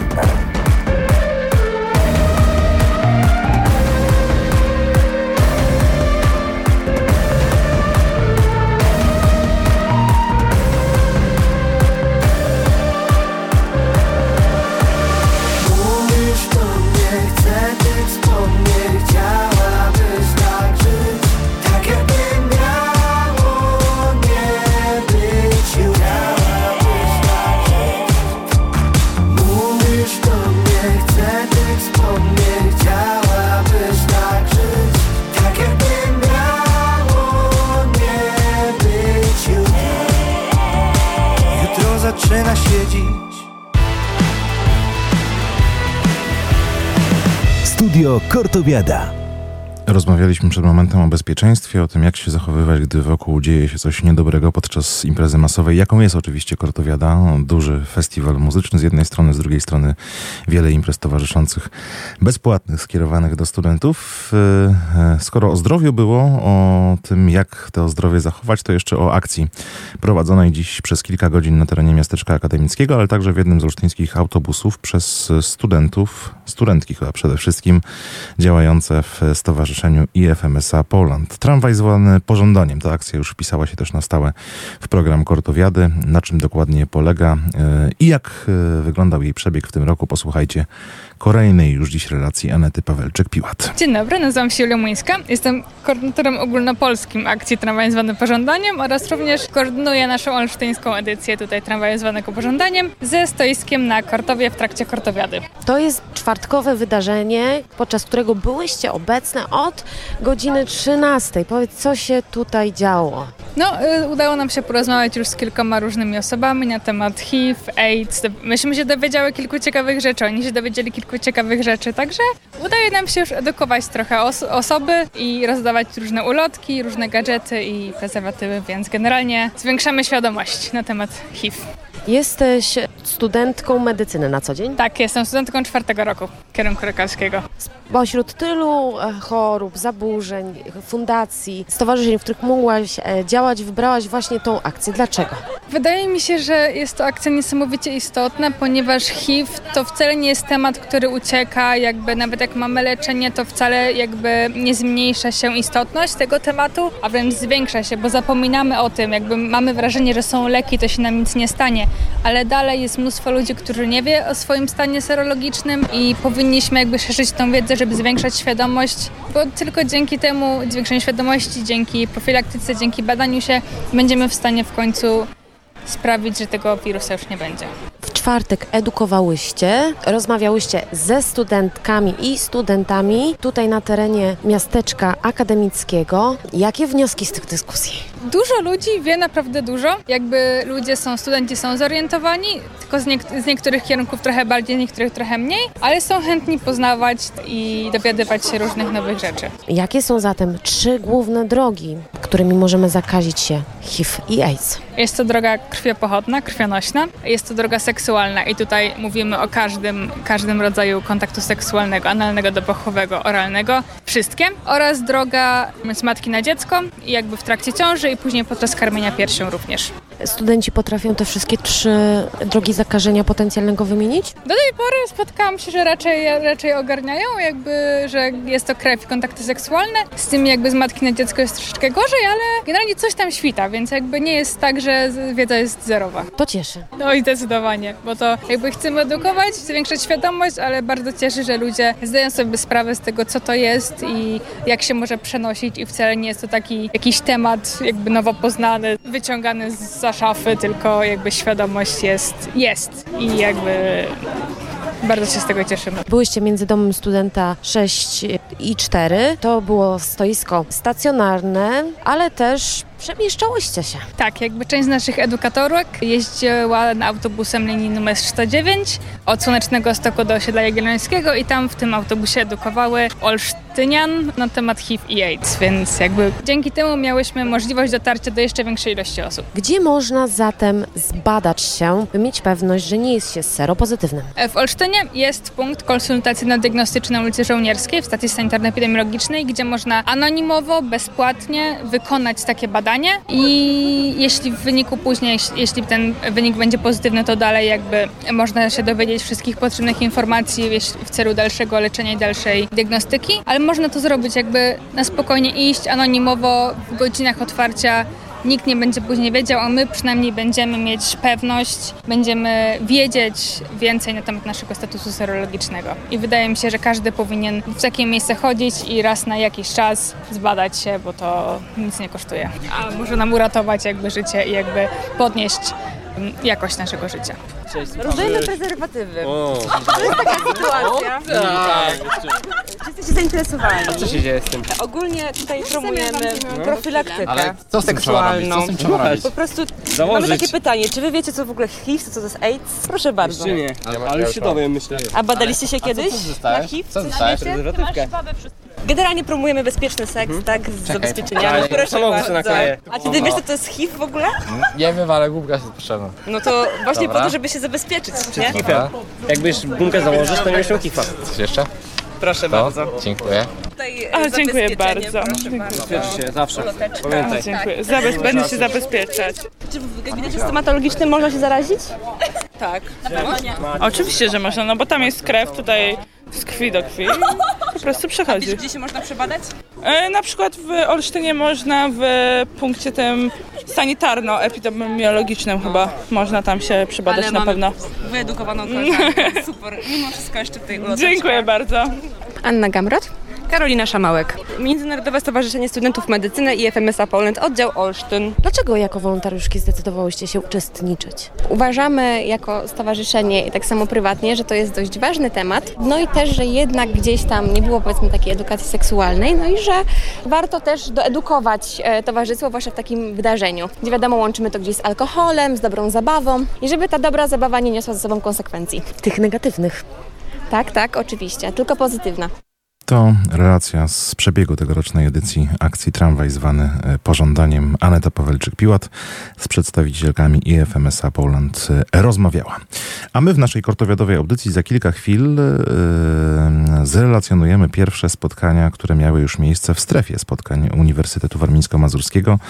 Debaty naukowe w programie, między innymi goście specjalni. Dziś tym gościem był Radek Kotarski. Odwiedził nas także tutaj w redakcji Radia UWMFM. Będziecie mogli wysłuchać za moment rozmowy z nim.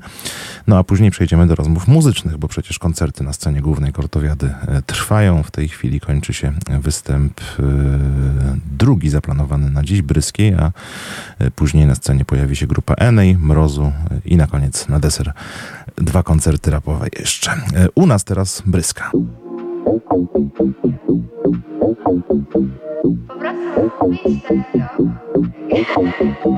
Coś we mnie siedzi i sama nie wiem co. Nieposkromiony głód nakarmić nie ma kto. Od środka zżera mnie ten stres. Ja głupia, od ścian odbijam się. Jest mnie coraz mniej, pozostał tylko cień. On nasyca się, nie ubywa, on dusi mnie, oczy mi mydli snem. On nasyca się,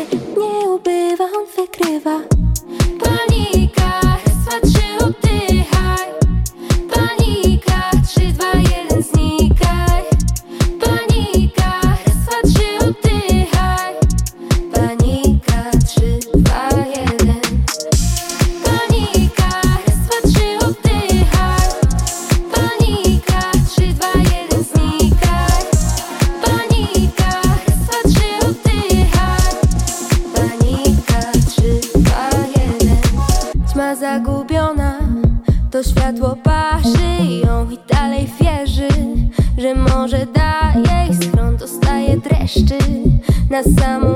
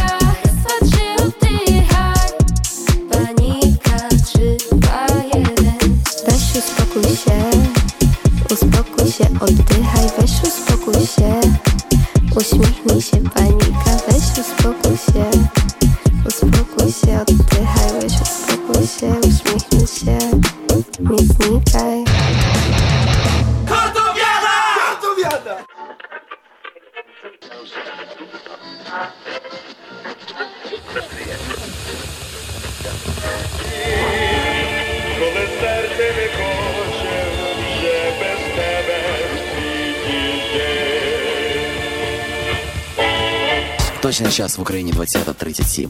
Атмосферний тиск 764 мм на секунду.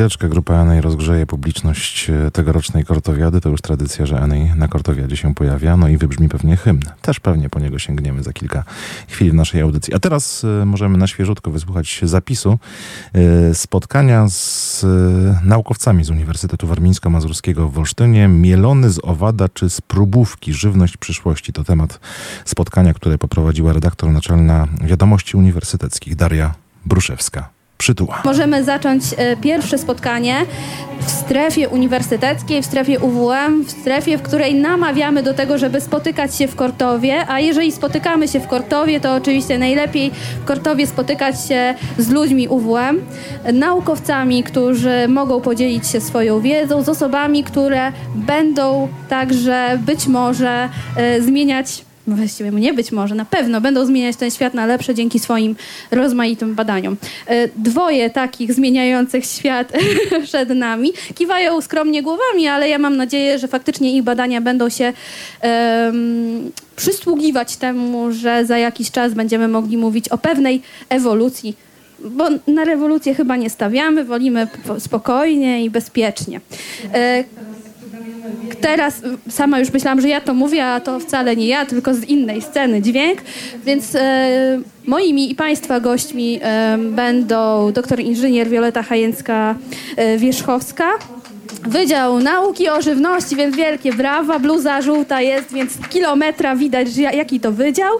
E, I lekarz weterynarii Remigiusz Gałęcki, nadal doktorant na Wydziale Medycyny Weterynaryjnej. Nie zmieniło się nie zapytałam, nie zweryfikowałam, bo bałam się, że może wczoraj na przykład obrona i się okaże, że tu wtopa jakaś. Wrzesień, dobrze, czyli wiemy, kiedy trzymamy kciuki. We wrześniu będziemy trzymać kciuki y, za człowieka, który, no właśnie, i teraz zacznę od dru- drugiej strony. Przedstawiałam panią najpierw, y, to teraz powiem właśnie. Boję się zaryzykować i powiedzieć, czym się zajmuję na co dzień. Natomiast y, badania związane są z owadami. A, tak naprawdę, kiedy ja zaczynam gadać o owadach, to też w pewnym momencie zaczynam się bać, bo w pewnym momencie nie wiem, jak moi słuchacze zareagują na tym, czym się zajmuję, a dokładnie zajmuję się entomologią weterynaryjną. To nic innego jak nauka o owadach, które mają istotne znaczenie w medycynie weterynaryjnej. Ja wypracowałem sobie takie hasło e, opisujące moje badania, że zajmuję się wszystkimi owadami, które nas gryzą i które możemy gryźć. I tak naprawdę zajmuję się zarówno ektopasożytami, jak i tymi jadalnymi owadami. A kiedy pani doktor wchodzi do swojego laboratorium, to co tam ogląda pod mikroskopem? Bo to są takie drobiażdżki chyba. To są tak, to są drobiażdżki, to są e, bakterie, to są pleśnie, ale idziemy jeszcze głębiej. Potrafimy zajrzeć do wnętrza bakterii, e, obejrzeć im e, ich genom, sprawdzić jakie geny w sobie mają i czy te drobnoustroje, które są w żywności, przekazują nam różne konkretne geny, które, które gdzieś tam w swoim genomie posiadają. Także bardzo, bardzo, bardzo głęboko wchodzimy w, w tą strukturę e, bakteryjną. A jak już sobie tak wchodzimy głęboko, to zacznijmy jednak trochę na powierzchni najpierw. Czyli e, chciałabym zapytać o to, czy. Bo trochę podpytywałam jeszcze zanim się Państwo wszyscy tu zebrali, to ja o to podpytywałam, czy wtedy, kiedy my mówimy bezpieczna, zdrowa żywność, to my tam powinniśmy stawiać przecinek, znak równości, znak zapytania pomiędzy. Co my tam, czy bezpieczna żywność to zawsze zdrowa żywność i odwrotnie? Niestety nie, nie zawsze bezpieczna żywność równa się zdrowa żywność. E, bezpieczna żywność to już żywność, która spełnia wymogi e, powiedzmy formalne, tak? które, które gdzieś tam definiowane są przez, e, e, e, przez, przez różne agencje do, do spraw żywności. Natomiast zdrowa żywność to taka żywność, która ma nam dostarczyć odpowiednich składników odżywczych, jak najbardziej dla nas,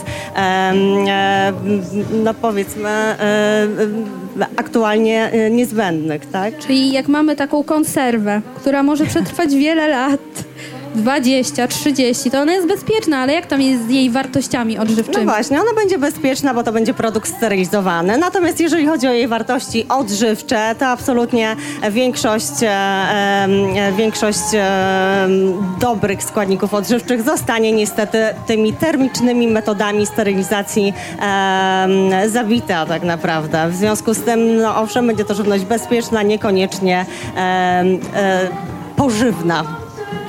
O to, żeby... Może tylko dodam, że musimy pamiętać, że żywność bezpieczna to przede wszystkim żywność, która jest w naszym łańcuchu żywnościowym, czyli spełnia odpowiednie normy jakości, odpowiednie regulacje prawne, niezależnie czy mówimy o regulacjach prawnych polskich czy europejskich. Ta żywność musi spełniać odpowiednie standardy.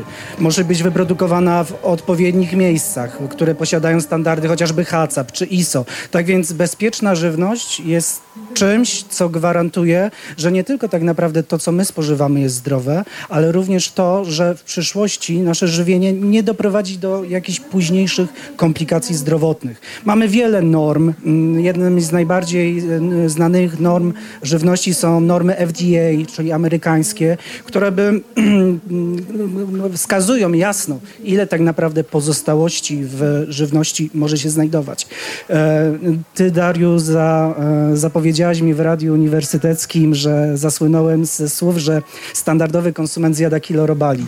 E, No i tutaj właśnie muszę się odnieść do tych... Cytowałeś pewnie. E, My naukowcy chyba nie jesteśmy od cudowania, ani tym bardziej od wymyślania, tylko od potwierdzania danych faktów.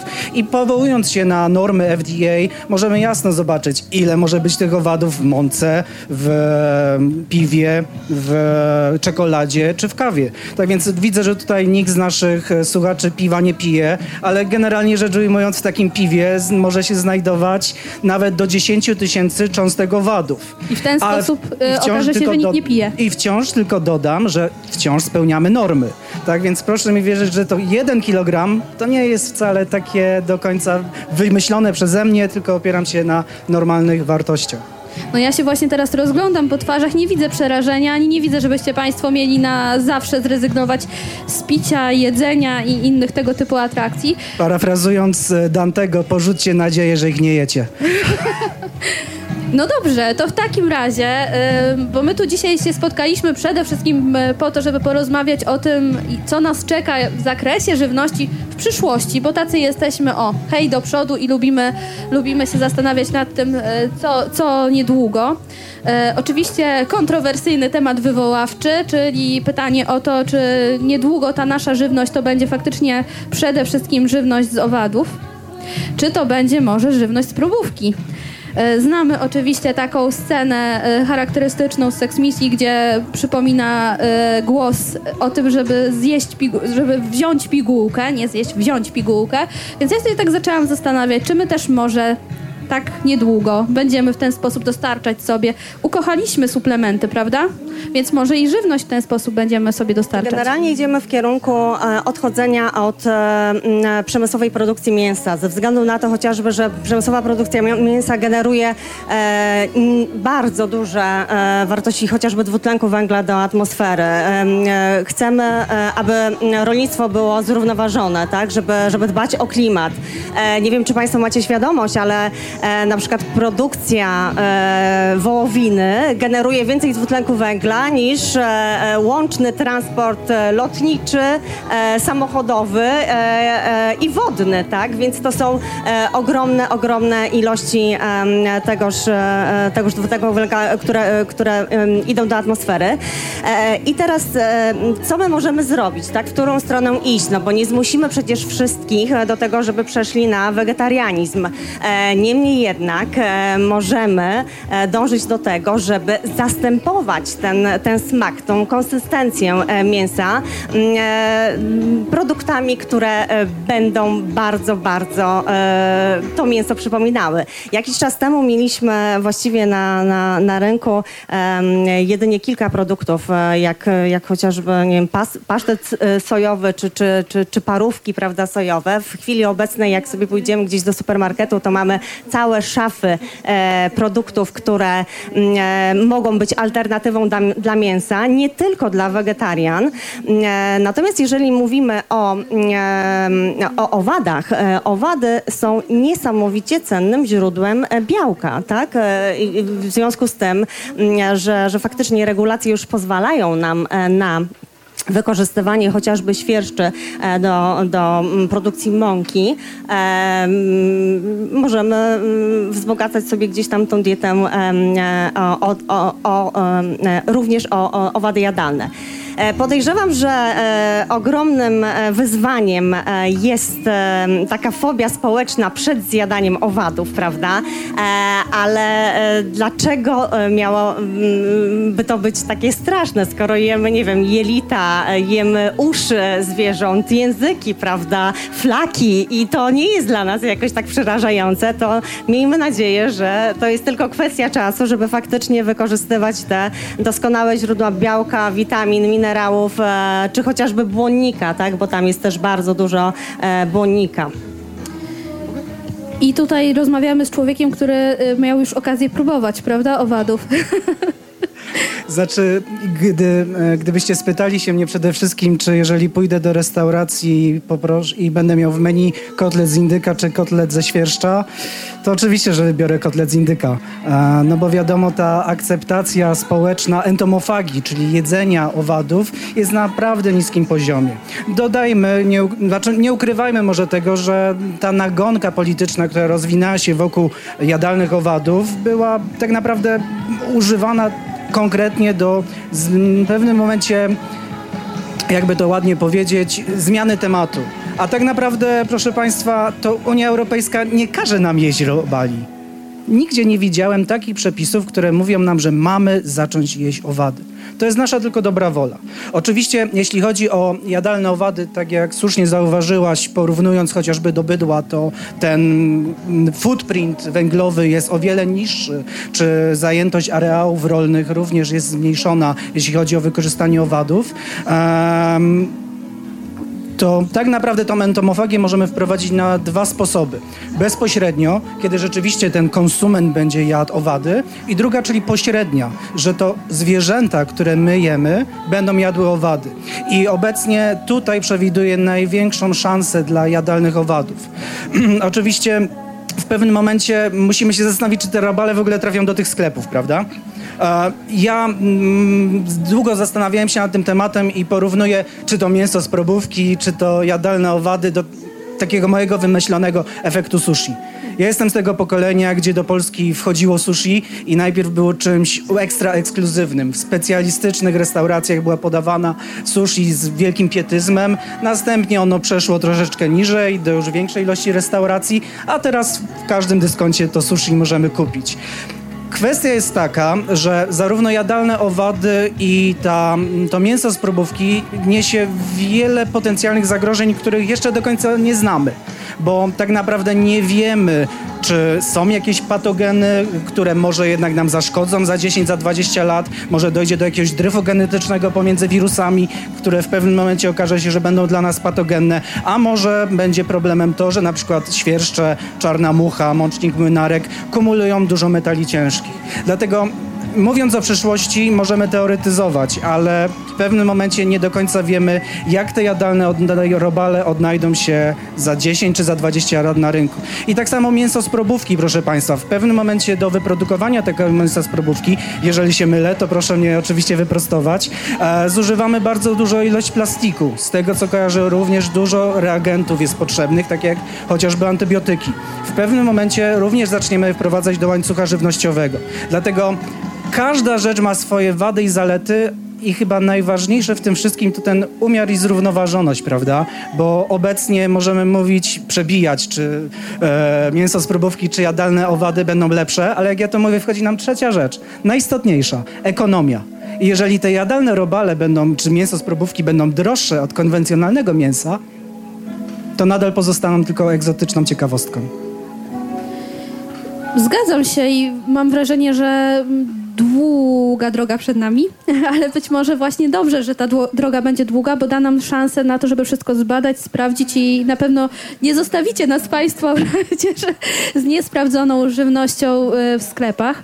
E, A jak myślę o sklepach, to myślę też o tym, o czym... Nie ma niesprawdzonej żywności w No sklepach. właśnie i o to chciałam też Od tego dopytać. jesteśmy my, lekarze weterynarii, żeby zagwarantować Państwu I to jest właśnie moje pytanie jeszcze, y, takie dopowiedzenie, prośba o dopowiedzenie, bo my często słyszymy, ja teraz wcielam się w rolę naiwnego, naiwnej konsumentki i proszę mi tutaj pomóc, rozprawić się z tym mitem. Czy jak my słyszymy, że kurczaki są naszpikowane antybiotykami, to my mamy naprawdę się martwić, czy nie szczególnie?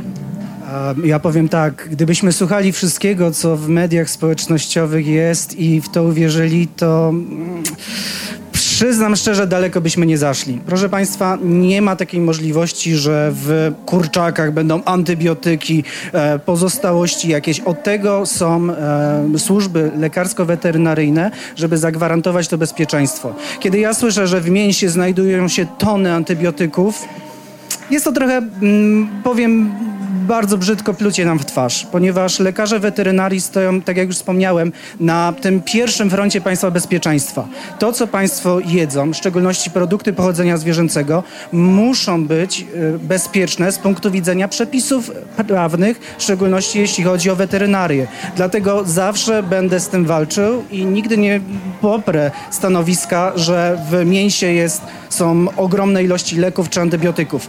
Te pozostałości są, ale od tego są te normy, o którym Państwu wspomniałem na samym początku, żeby mm, te pozostałości nie spowodowały zagrożenia dla finalnego konsumenta. To teraz idziemy do drugiego laboratorium i teraz znowu jako konsumentka chciałabym zapytać, jak mam reagować na informacje o tym, że w żywności są potrzebne nam probiotyki na przykład. To dobrze, że one tam są, jaki, w jaki sposób one się tam znalazły i przy okazji nie ukrywam, że pytam także o postbiotyki, Mhm. czyli o, o, o to coś, nad czym będzie pracowało także koło, którego jest pani opiekunką. To prawda. E, Faktycznie, koło naukowe, tutaj szybciutko się chwalę moim kołem naukowym. E, Ostatnio e, było laura, jest laureatem grantu min- ministerialnego na projekt pod tytułem, tak, bo to jest, to- jest ogromne wyróżnienie, bo to jest chyba pierwsza edycja, gdzie jakikolwiek koło z Uniwersytetu Warmińsko-Mazurskiego faktycznie dostało projekt ministerialny. I moi studenci będą pracować nad substancjami o nazwie postbiotyki. To są takie substancje, które są wytwarzane przez drobnoustroje e, probiotyczne, e, które mają e, za zadanie e, hamować drobnoustroje patogenne, czyli te drobnoustroje chorobotwórcze, które mogą znajdować się w żywności. My akurat będziemy się skupiać na, na takiej dosyć wąskiej specjalizacji ze, ze względu również na to, że to finansowanie nie jest jakieś takie kolosalne, więc skupiamy się na serach zagrodowych, no bo teraz też jest taka tendencja do tego, żeby jeść produkty regionalne, wyprodukowane z mleka niepasteryzowanego, żeby posiadały one jak najwięcej mm, e, takich właściwości organoleptycznych, bardzo pożądanych przez konsumentów. Tak, troszeczkę idziemy w takim kierunku jak swego czasu Włosi i ich sery śródziemnomorskie, więc też e, staramy się produkować takie nasze e, sery zagrodowe, sery polskie. Natomiast to są sery, które, do których nie dodajemy konserwantów, nie pasteryzujemy mleka. W związku z tym istnieje ogromna, ogromne ryzyko, że pozostałości drobnoustrojów czy mm, oportunistycznych, czyli takich na pograniczu drobnoustrojów chorobotwórczych e, i takich, które nie, nie, nie zrobią nam krzywdy, bądź stricte chorobotwórczych, mogą w, tym, e, w tych serach być. Zatem dodawanie celowanych substancji, e, które będą produkowane przez te nasze drobnoustroje mm, probiotyczne, może zahamować wzrost i tym samym no, w, w, sprawić, że te sery będą e, zdecydowanie bezpieczniejsze dla konsumenta.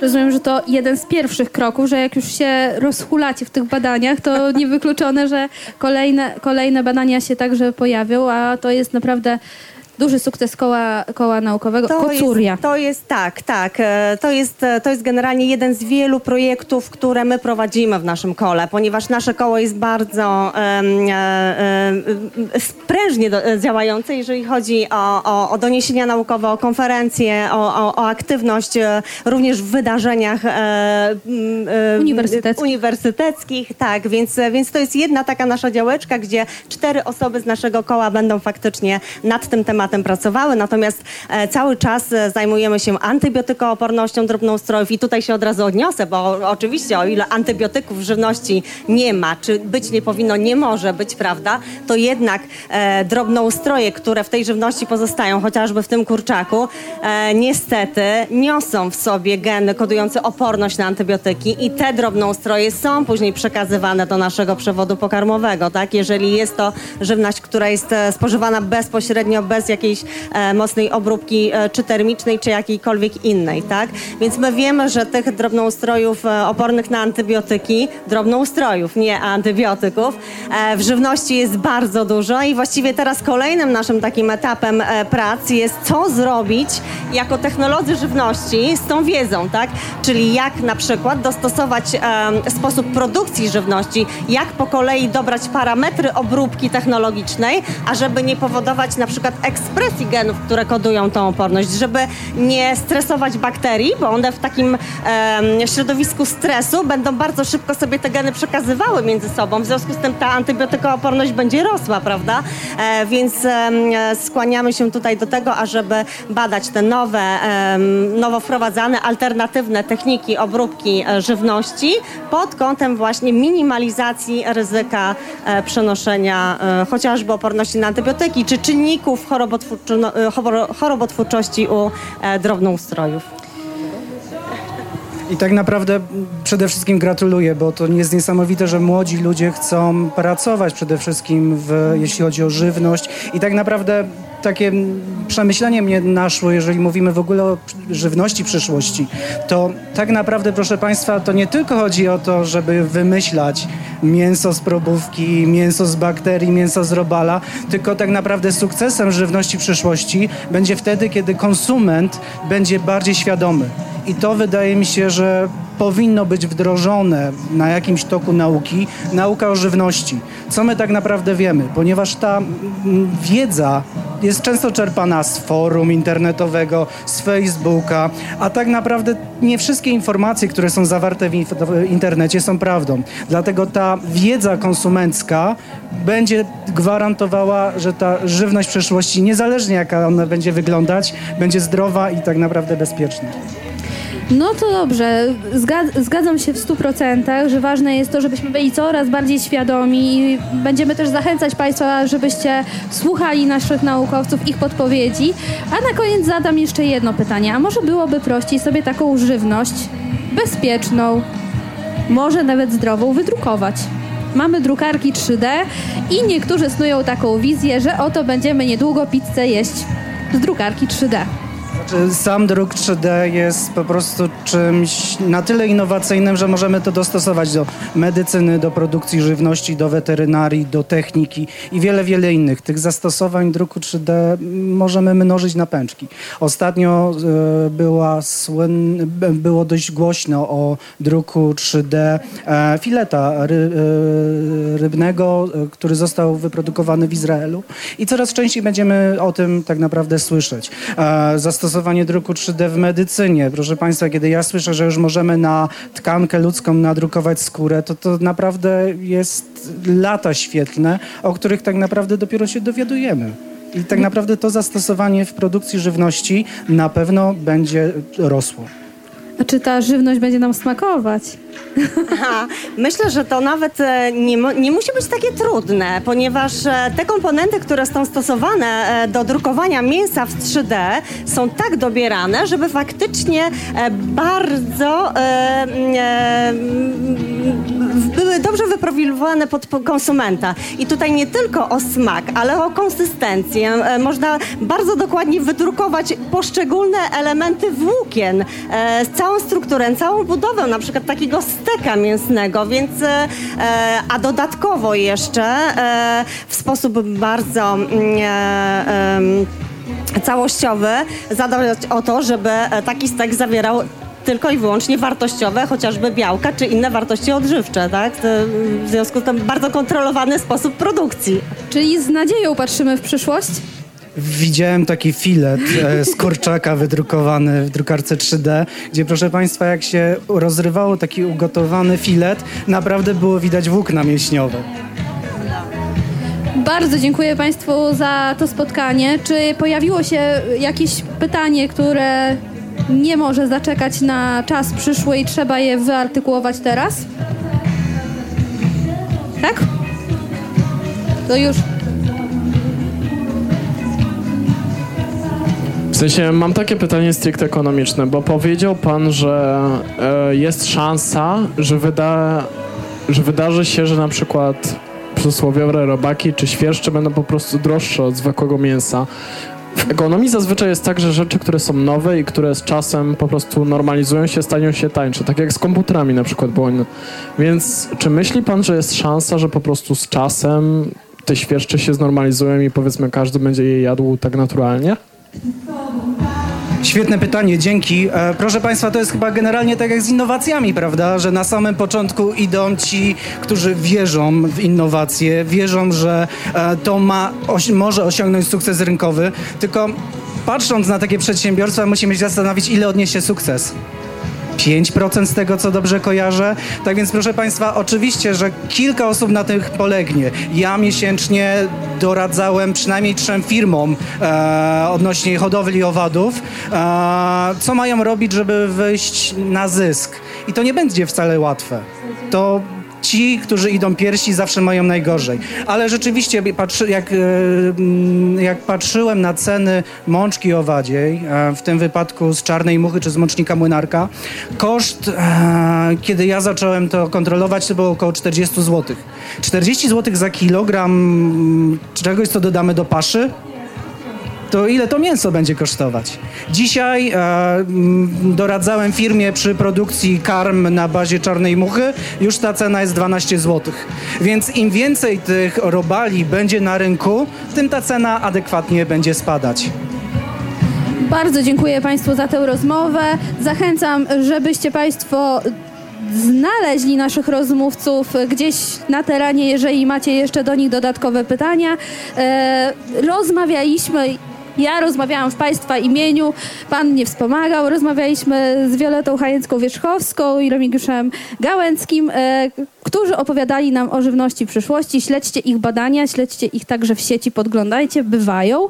E, no i oczywiście w wiadomościach uniwersyteckich na pewno będziemy także z nimi e, w najbliższym czasie rozmawiać. Bardzo dziękuję Państwu za spotkanie. To był zapis spotkania e, naukowego z naukowcami z Uniwersytetu Warmińsko-Mazurskiego. Za nami też spotkanie z Radkiem Kotarskim, który był gościem specjalnym dziś w strefie UWM, a przed nami jeszcze e, gwiazdy e, z dużej sceny kortowiadowej i także występy stand-upowe, o czym będziemy przypominać za kilka chwil.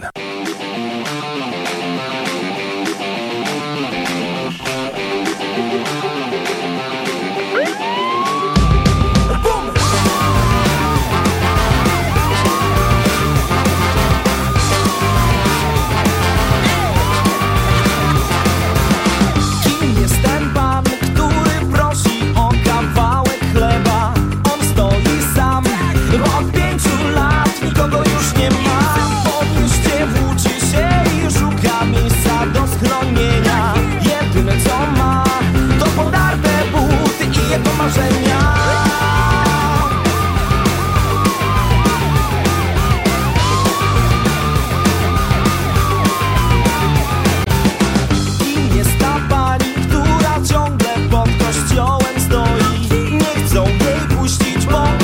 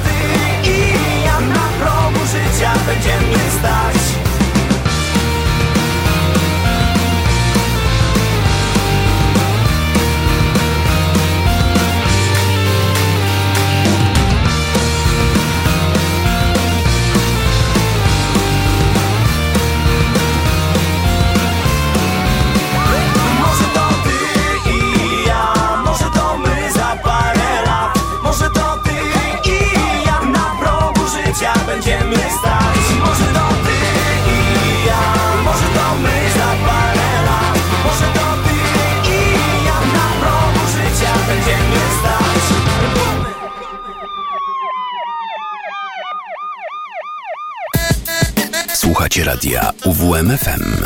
Uwierz w muzykę.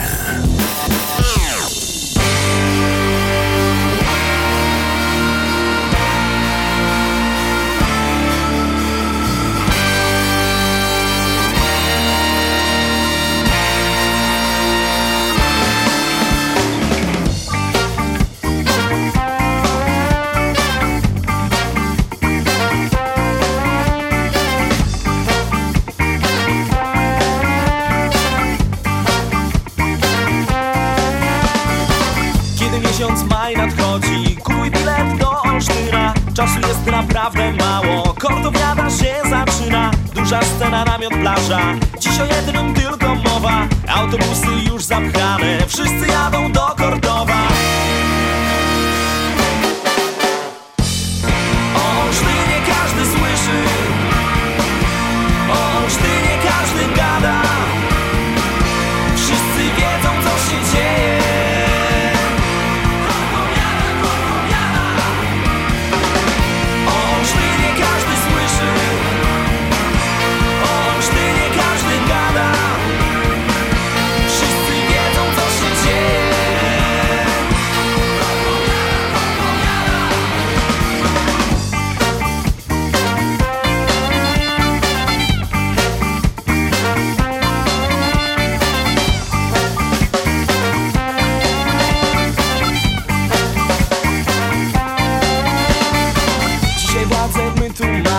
Nowe prawa ustalamy Nikt nie pije tutaj mleka.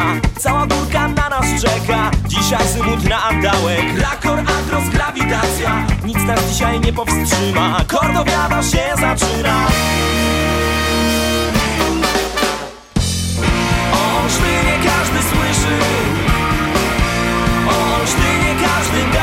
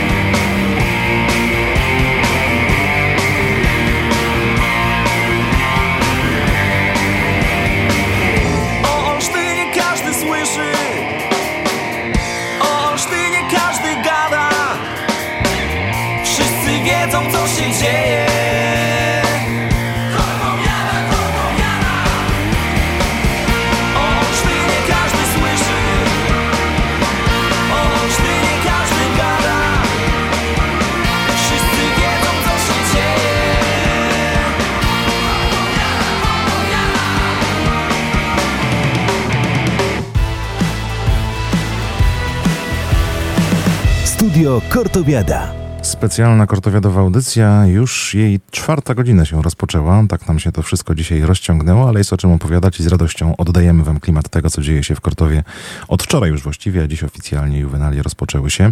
Studenci mają władzę. E, No i studenci mogą też korzystać z wielu ciekawych propozycji. Między innymi za nami już spotkanie z Radkiem Kotarskim, który był gościem specjalnym strefy UWM e, podczas juwenaliów e, z taką prelekcją tematem Świat za chwilę. E, Do nas przyjechał przyjechał, zanim spotkał się z festiwalowiczami, uczestnikami zabawy juwenaliowej. Odwiedził także Radio UWM FM, naszą redakcję. Rozmawiała z nim Ania Makarewicz. Przy mikrofonie Ania Makarewicz zapraszam na dzisiejszą rozmowę z gościem specjalnym, który pojawia się w strefie UWM podczas tegorocznej kortowiady. W studiu razem ze mną jest Radek Kotarski. Cześć. Dzień dobry, cześć. Radek Kotarski, dziennikarz, pisarz, popularyzator wiedzy, autor kanału na YouTubie Polimaty. E, Tak wyjaśniam, bo trzeba się promować oczywiście. No tak, to wiesz, tutaj nigdy za wiele dobrego słowa na temat działalności. Oczywiście. Ale z, zawsze za każdym razem tak z drżeniem serca słucham, ale sobie poradziłaś przepięknie, kiedy powiedziałeś, że jestem popularyzatorem wiedzy, bo ja czasami jak się sam przedstawiam i ktoś prosi mnie o to, żebym, żebym powiedział coś o sobie, to czasami polegam na tym słowie, zupełnie legnę na nim kompletnie i, i wtedy, wiesz, wychodzi taka absolutna niekompetencja, kiedy człowiek mówi popularyza, popularyza, popularyzatorem wiedzy. Jestem tak, wiedza. Więc to nawet wychodzi, ważne. że nie wiesz, kim tak, jesteś Tak, tak, tak. Naj, najgorsze, najgorsze rozpoczęcie, więc cieszę się, że wzięłaś to na siebie. Mam jeszcze dla ciebie propozycję, takie słowo jak edukator. Może Edukator, prostsze. też ładne. Tylko ono, wiesz, już takie implikuje y, poważniejsze sprawy, jak to, że ja kogoś mam czegoś nauczyć. A ja za każdym razem mogę powiedzieć, nie, nie, ja tutaj tylko przyszedłem zrobić takie drobne show, a już za resztę nie odpowiadam. A edukator to myślę, że, wiesz, jednak stopień dalej. Tak, to prawda. Więc no już zaczęliśmy od takich kwestii językoznawczych, to bardzo w moim klimacie, więc, więc też się cieszę. Takie pytanie na wstępie, bo to, to nie jest twój pierwszy raz w Olsztynie. Nie, to jest już drugi albo nawet i trzeci. E, jeśli chodzi o, e, o, o właśnie pamięć historyczną, to u mnie są duże problemy z tym, więc ja Olsztyn odwiedzam regularnie przy okazji jakichś wykładów, ale, ale jeśli chodzi o, o, o to piękne wydarzenie zaraz przy jeziorze, to, to to jest taki moment, kiedy rzeczywiście moja żona powątpiewa, czy ja naprawdę jadę do pracy. E, bo to jest, bo to jest e, no, klimat tego jest absolutnie nie do powtórzenia i cieszę się, że mogę drugi rok z rzędu już na pewno w nim brać udział. No tak, i zaznać też właśnie piękna naszego regionu. No, prawda. Bo choćby nawet i podróż w nasze strony, to już, Tak. to już można e, trochę odczuć właśnie tego klimatu e, warmińskiego, e, bo Olsztyn to Warmia. Tak, to, No to ja to jestem z tych, co poprawiają właśnie ten Okej, słowo. Tak, okej, tak, no tak, to trafił E, swój na tak, swego tutaj. Absolutnie tak. Ja tak samo jestem rzeczywiście z regionu, który no, tradycyjnie e, nie jest uważany za Dolny Śląsk, a Zielona Góra, ja zawsze nie, nie, nie, Zielona Góra to jest Dolny Śląsk, najbardziej zalesione województwo w Polsce, w związku z tym jak wjeżdżam w lasy olsztyńskie, to się czuję jak w domu praktycznie, więc też absolutnie zauważam to, o czym mówisz. Jakieś rodzeństwo Tak. regionalne może. Czy byłeś już kiedyś na Kortowiadzie? Y, Byłem, ale pytanie jest, co uważamy za bycie na kortowiacie? Bo w momencie, w którym to jest wzięcie udziału we wszystkich nocnych atrakcjach koncertowych i wszystkich innych rzeczach, to muszę powiedzieć, że jeszcze nie byłem. Jeśli mówimy o, wiesz, kulturalnych, y, wyprasowanych kołnierzykach, rozmowach, to zdecydowanie tak. E, No i ja, wiesz, no, biorąc pod uwagę, że niestety nie potrafię śpiewać, to jestem zazwyczaj w tych pierwszych częściach, a może i stety, bo, bo jakoś się lepiej w nich e, czuję i mam nadzieję, że dzisiaj także się znajdą osoby, które chociaż będą chciały trochę tego posłuchać. Czyli tak pół na pół. Tak, pół na pół, tak. Ciałem tak, duchem jeszcze aż tak bardzo nie, ale mam zamiar to zmienić. No, masz szansę teraz nadrobić. Jest. Może, może się uda. E, Tegoroczna Kortowiada, pewnie tak jak wiesz, ma motyw przewodni kosmiczny. Chodzi Tak. tutaj nam o kosmos. Obchodzimy też w tym roku rok Kopernika. No i e, takie pytanie do ciebie. Gdybyś mógł Mikołajowi Kopernikowi zadać jedno pytanie, to co by to było? Zawsze chciałem wiedzieć, kim czuł się Mikołaj Kopernik w znaczeniu narodowości. Oczywiście trudno mówić o, o narodach w Europie przed wiosną ludów i przed takimi zmianami, które sprawiły, że my się nazywamy Polakami albo różnie. I, I wiem, że jest ogromna walka y, o Mikołaja Kopernika i to nie tylko na poziomie państwowym, co także na poziomie miast. W związku z tym, y, no to jest rzecz, która mnie naprawdę frasuje. Co by on sam o sobie w tym temacie powiedział? Mhm. Myślałam, że bardziej naukowo. A, widzisz. A nie, nie, nie, to mnie kompletnie nie interesuje, więc wiesz, jakby je- jego sprawy fajnie, bardzo, bardzo się cieszę, ale, ale ten ludzki aspekt dla mnie tutaj w tym przypadku Mhm. jest dominu- dominujący. No to jest też coś, co w roku Kopernika się też zwraca się na to szczególną uwagę, żeby właśnie go odkryć jako osobę, a nie tylko Mhm. jako postać taką historyczną. A teraz nawiązując do tematu twojego wystąpienia, świat za chwilę to znaczy za ile? I sama futurystyka to też jest coś, co niektórzy postrzegają po prostu jako wróżenie z Tak. E, Fusurystyka powinna się Futurystyka, nazywać. dokładnie. Pięknie to wymyśliłeś. E, zatem, czy mamy w ogóle narzędzia do przewidywania przyszłości? I tutaj nie mam na myśli szklanej kuli. nie? No tak, i wróżbity Macieja. E, ale absolutnie się z tym zgodzę i w momencie, w którym mówimy o rzeczach, które będą za chwileczkę, to wielcy futurologowie typu Fukuyama na przykład, który ogłosił na pewnym etapie koniec historii i to, że już się nikomu nie będzie opłacało prowadzić wojen, no widzimy, że, że jednak się trochę pomylił w tych swoich mm, domysłach. I ja rzeczywiście też znając trochę swoje miejsce w szeregu, mam świadomość, że nie istnieją takie narzędzia. My możemy mówić o pewnego rodzaju prądach, trendach, ładniej z- stwierdzając to.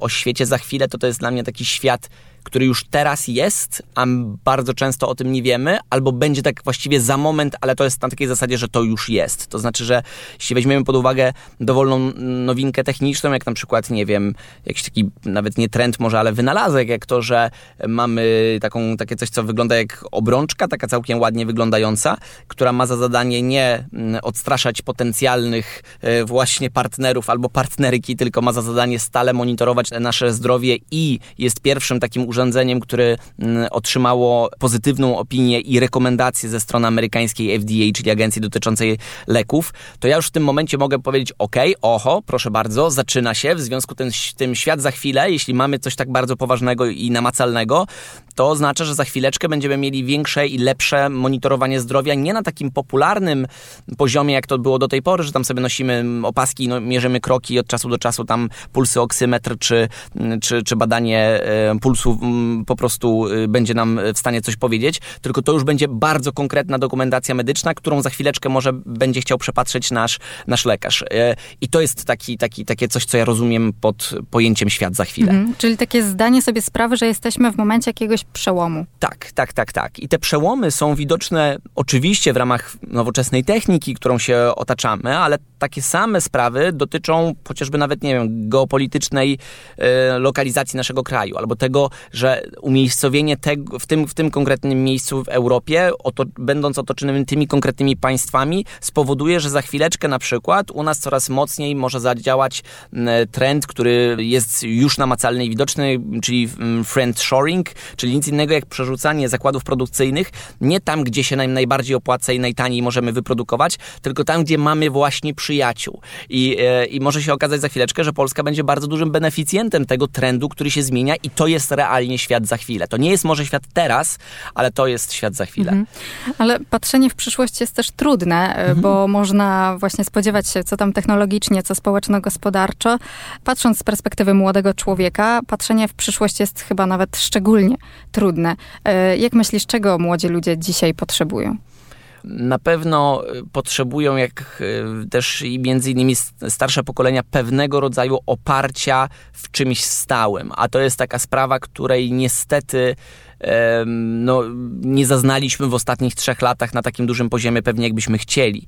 I na pewnym etapie, w momencie, w którym obserwujemy, co się dzieje z ludźmi, kiedy napotykają na przeróżnego rodzaju, jak to ładnie się mówi, czarne łabędzie, czyli w teorii nie, nie do przewidzenia y, sytuacje, to widzimy, że taką, taką tak naprawdę pierwszą reakcją organizmu w tym przypadku jest jak najszybsze powrócenie do stanu normalności. I mm, wydaje mi się, że to jest szczególnie istotne, biorąc pod uwagę zwłaszcza te wszystkie rzeczy, o których słyszymy, że za, zaraz może być kolejna rewolucja związana ze sztuczną inteligencją, która tam pół świata zwolni z pracy i, i co my wtedy z tymi ludźmi poczniemy i tak dalej.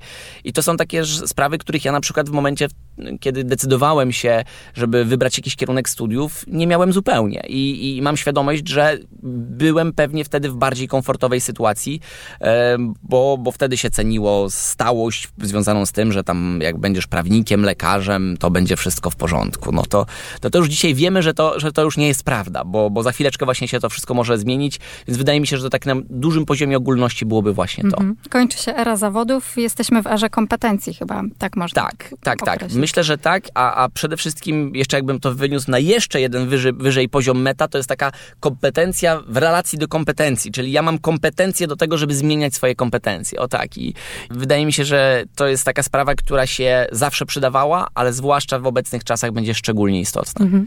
Wspomniałeś o sztucznej inteligencji. Zapytam zatem, dlaczego ludzie boją się technologii, boją się sztucznej inteligencji?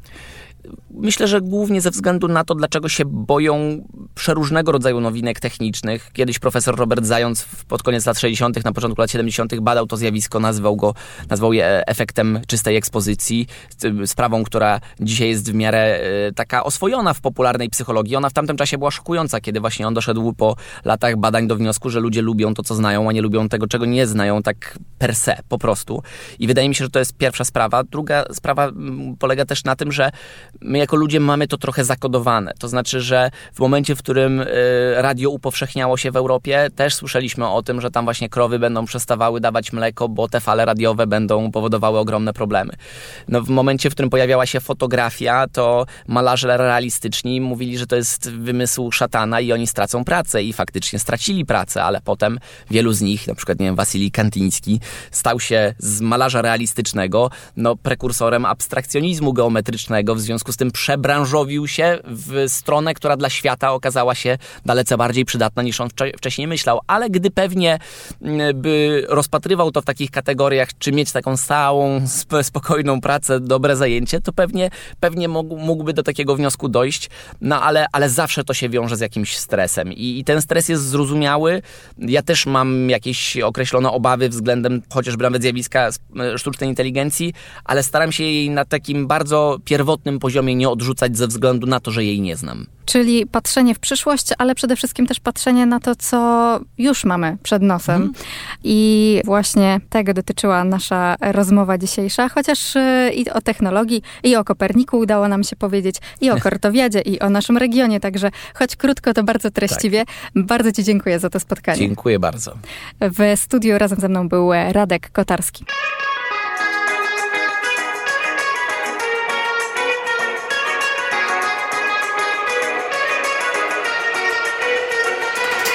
Każdą chmurą jestem bliżej nieba. W puszystym obłoku zatrzymałem czas. Rosną tu owoce zakazane. Jak mam ich nie zerwać, gdy poznałem smak? Bądź to diabelski młyn, ale nic mnie nie kręci jak ty Zniknijmy na chwilę, niech świat sobie schodzi na psy.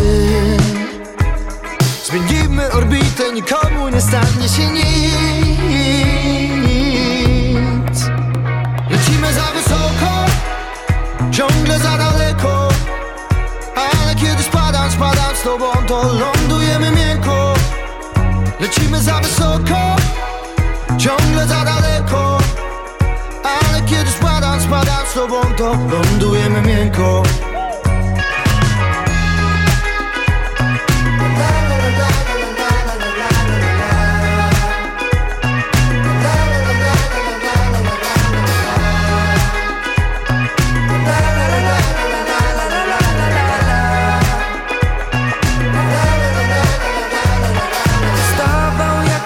łatwiej mi się śpiewa.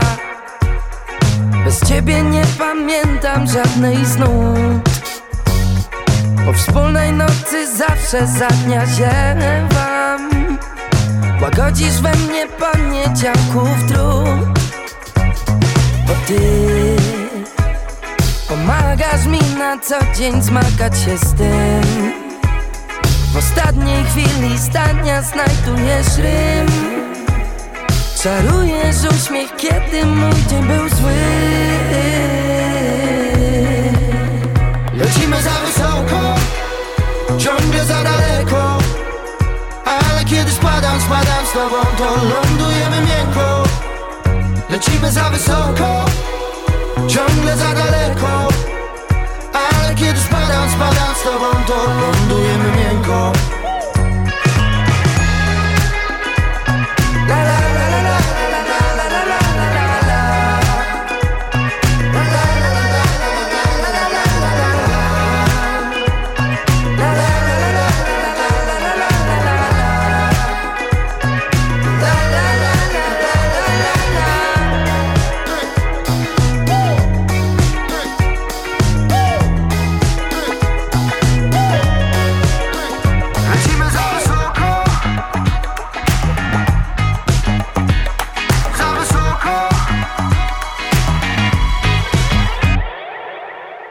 Słuchacie radia UWMFM 95 i 9.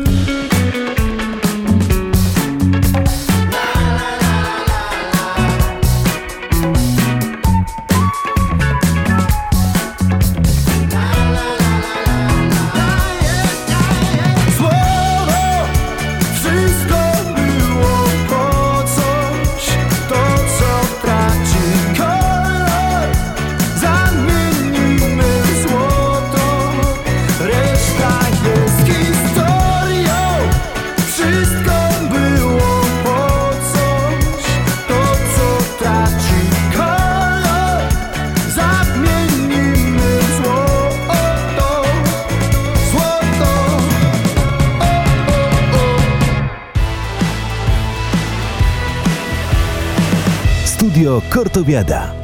Studio Kortowiada, nasza specjalna audycja, wciąż na antenie. Y, Myślę, że skończymy dziś koło 21. Y, Mrozu przed momentem nam śpiewał. On na kortowiadowej scenie dziś pojawi się o 22.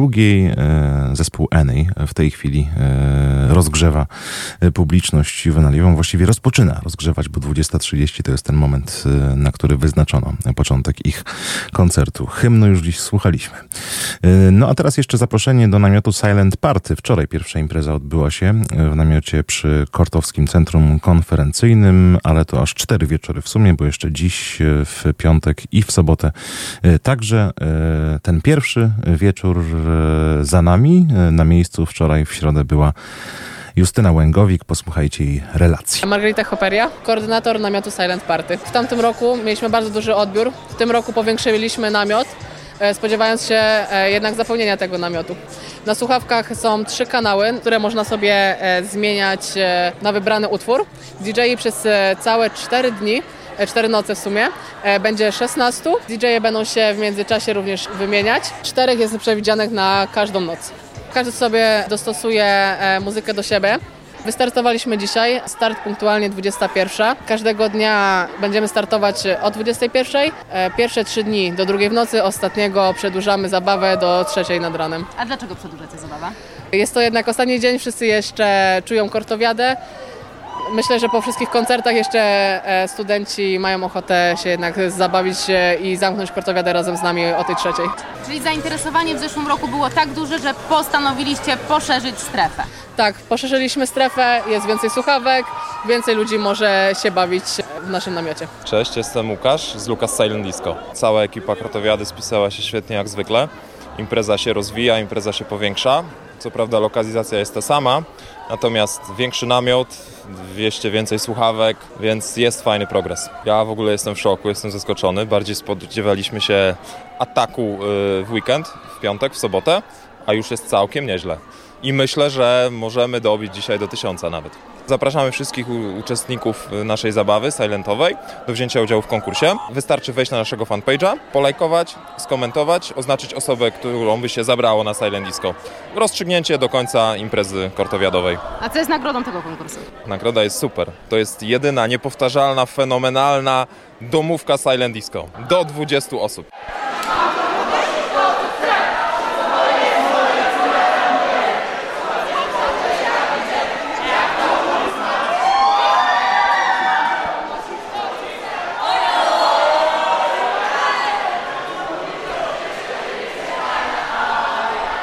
Się bawicie na Silent Park? Bardzo dobrze. Pierwszy raz jesteście na tej imprezie? Nie, drugi. I jak? Wrażenia? Mi się bardzo podoba. A tobie? Jak się podoba Silent Party? Bardzo. Pierwszy raz? Pierwszy. I jak wrażenia? Dobrze. Świetnie, to jest absolutnie jeden z najlepszych aspektów kortowiady i bardzo się dobrze bawimy w tym roku, w zeszłym i mamy nadzieję, że kolejnym roku też będzie Silent Party, na którym będziemy mogły się bawić. Jesteśmy od początku, przychodzimy co roku, także polecamy bardzo. Cudownie się bawimy w zarąbiści DJ-e i jakby każdy kanał jakby wymiata. Pierwszy raz na Silent Party, no, a drugi raz Kortowiada. Super jest, czekam na koncerty. Justyna Łęgowik e, rozmawiała z tymi, którzy bawili się wczoraj w namiocie Silent Party. Dziś namiot e, otwarty będzie od 21, czyli już za mniej więcej pół godziny. A my czekamy dziś na plaży w Kortowie, między innymi na koncert Mroza. Raz jeszcze niech nam zaśpiewa, tym razem utwór Pale w oknie. Nie zachowałem zdjęć, więc nie pamiętam nic. Zapomniałem cię, nim wyschły twoje łzy. Piosenki o nas grają, osiedla z wielkich płyt. Ty miałaś mnie za kogoś, kim nie chciałem być. Palę w oknie, muszę patrzeć jak mokniesz. Mogłem być parasolem, ty wolałaś deszcz.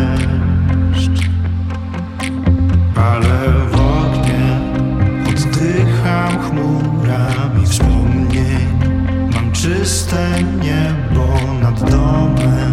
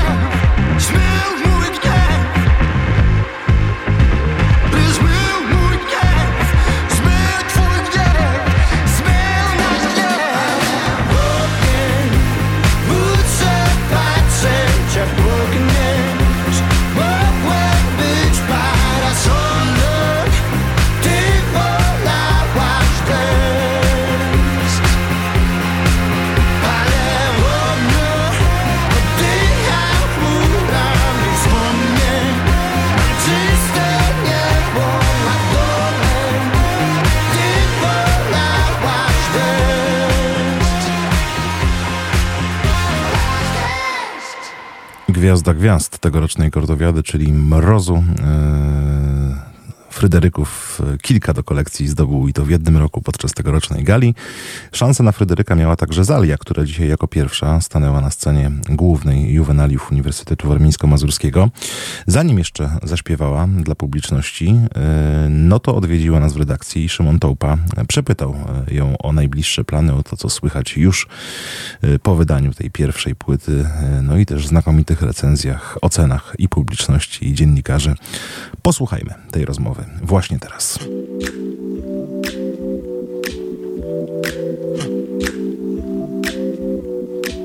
Jakie masz plany? Plany może wyjedziesz ze mną na te parę dni do Hiszpanii Nie myśl o hotelu, będziemy zasypiać na plaży. Nie myśl o problemach, będziemy się włóczyć pijani nad ranem gdzieś. Jakie mam plany? Plany na pamięć każdy znam Lubię się włóczyć nocami nad ranem. Wolę spać, dla mnie Hiszpania nie Paryż Choć jesteś French kiss guy. Z tobą oglądać gwiazdy, marnować cały wolny czas. Chcę z tobą tańczyć,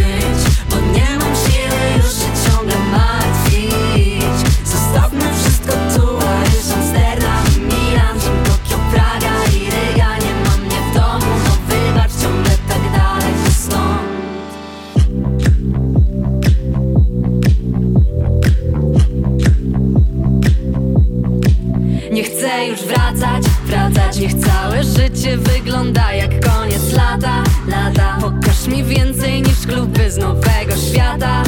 Chcę te wakacje, całe życie spłacać w ratach Co? Papa Warszawa Nie musisz wracać, wracać. Wiem, że siedzą ci w głowie studia, no i praca Praca, wiem, że niedługo pewnie skończy nam się kasa. Kasa, nie zarobimy tego w loto, no i strapka. Ale liczę na farta, bo chcę z tobą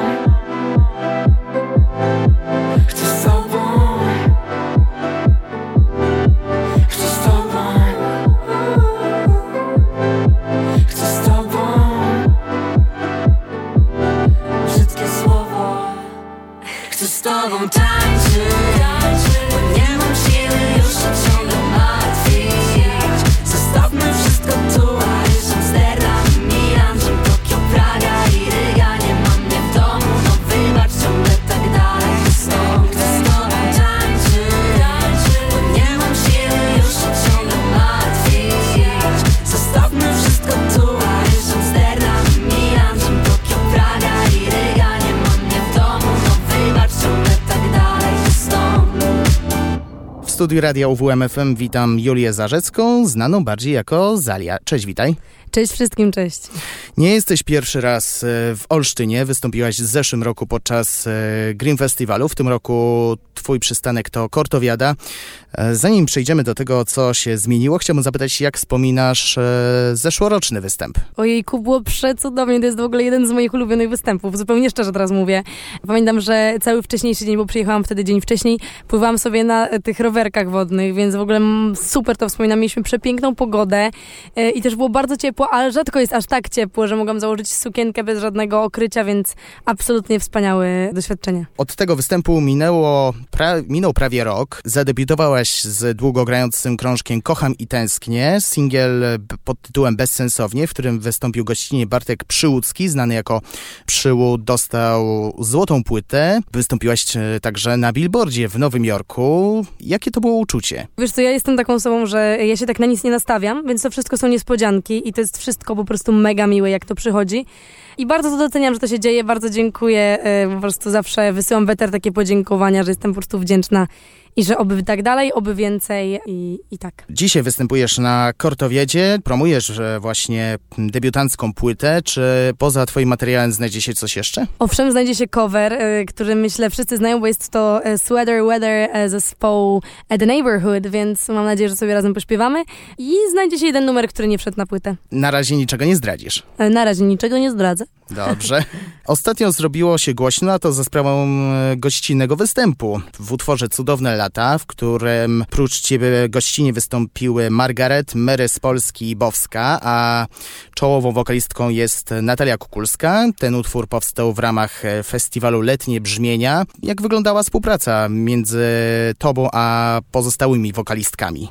Wiesz co, ja mam wrażenie, że my energetycznie jesteśmy bardzo na, na podobnym poziomie, że wszystkie się jakoś totalnie lubimy i zwajbowałyśmy absolutnie na, na pierwszym spotkaniu, więc jest to przede wszystkim fajna przygoda i myślę, że taka będzie przez całe te wakacje. Jestem mega, mega wdzięczna, że mogę brać w tym udział. No i przede wszystkim myślę, że cały ten projekt w ogóle emanuje taką ciepłą e, girl power e, energy i, i mega mnie to cieszy, że też taki w ogóle taki projekt powstał w Polsce, że właśnie tutaj są girls i będziemy też takie koncerty grały z takim mocno kobiecym powerem. Odnośnie płyty Kocham i Tęsknię opisywałaś czasami, że czerpałaś inspirację z muzyki duszy, czyli soul i R&B.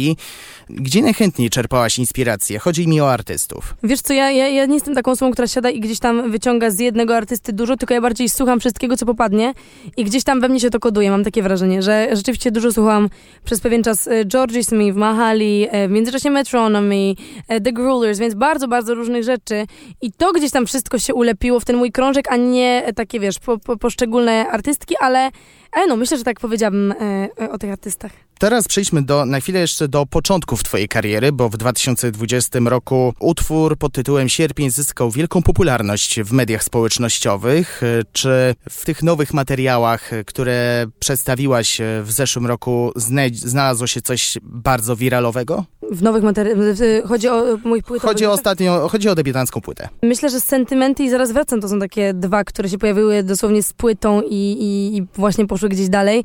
No i to są też dwa moje ulubione ogóle numery, które też dzisiaj zagramy i moje dwie ulubione aranżacje koncertowe, więc, więc tak. A propos gościnnych występów, bo oprócz utworu Cudowne Lata była jeszcze interpretacja piosenki Shaftera Bigos na nowo w ramach projektu Albo Inaczej. Czy e, po tym nagraniu stwierdziłaś, że chcesz e, brać udział w takich przedsięwzięciach coraz częściej?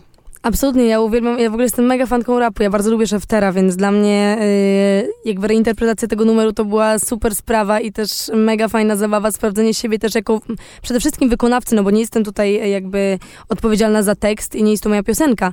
Myślę, że totalnie tak i oby takich więcej. Co byś najchętniej mm, skowerowała z e, takich e, znanych piosenek rapowych? Ze znanych piosenek rapowych? Ojejku. Ym, deszcz na betonie. Tak o Hemingway. Rozumiem. A jakie są Twoje plany na przyszłość e, odnośnie Twojej kariery? Czy możemy spodziewać się czegoś e, nowego, na przykład nowej płyty, nowych singli i tym podobne? Ojku, myślę, że bardzo, bardzo dużo nowości, e, ale przede wszystkim też daję sobie taki oddech właśnie teraz, żeby pograć koncerty, żeby porobić tę muzę i, i myślę, że na pewno już za moment można się czegoś fajnego spodziewać. Za moment to znaczy, że jeszcze przed wakacjami? E, jakieś gościnne występy moje tak, tak, a myślę, że solowe to, znaczy to jest dyskusyjna sprawa, więc nie będę zdradzać jeszcze. No dobrze, to poczekamy z e, tymi ogłoszeniami i chciałam już powoli kończyć naszą rozmowę, ale w sumie, przy, ale przypomniało mi się jedna, jeszcze jedno pytanie, mianowicie e, chodzi o występy w juvenal, juwenaliach. E, czy to twój pierwszy raz? Wiesz co, e, nie, w zeszłym roku już miałam przyjemność grać na juwenaliach w Warszawie. E, które były absolutnie prześwietne i to w ogóle stąd się też zrodził pomysł, żeby w tym roku zagrać na wielu juwenaliach. E, teraz graliśmy na Lublinaliach e, tak naprawdę kilka dni temu, więc no ja się absolutnie cieszę. Ja też, no to jest moja grupa w ogóle wiekowa studenci. No ja sama jestem studentką, właśnie teraz oddam licencjat, żeby było śmieszniej, więc no tym bardziej ja lubię grać bardzo dla, dla rówieśników, więc totalnie się jaram i nie mogę się doczekać. Pozwolę spytać z ciekawości, z czego piszesz licencjat? Napisałam licencjat z Is there a language barrier in communicating specific musical message? Czyli mniej więcej jak język wpływa na piosenkę, czy, czy, czy podczas... No, zrobiłam to, bo to, to się opierało na moim podwójnym singlu, gdzie jeden, jedna wersja była po polsku, druga po angielsku i jak sam język wpływa na odbiór piosenki. It seems very interesting. Zalia, czyli Julia Zarzecka była gościem radia UWMFM. Dziękuję za rozmowę. Dziękuję bardzo.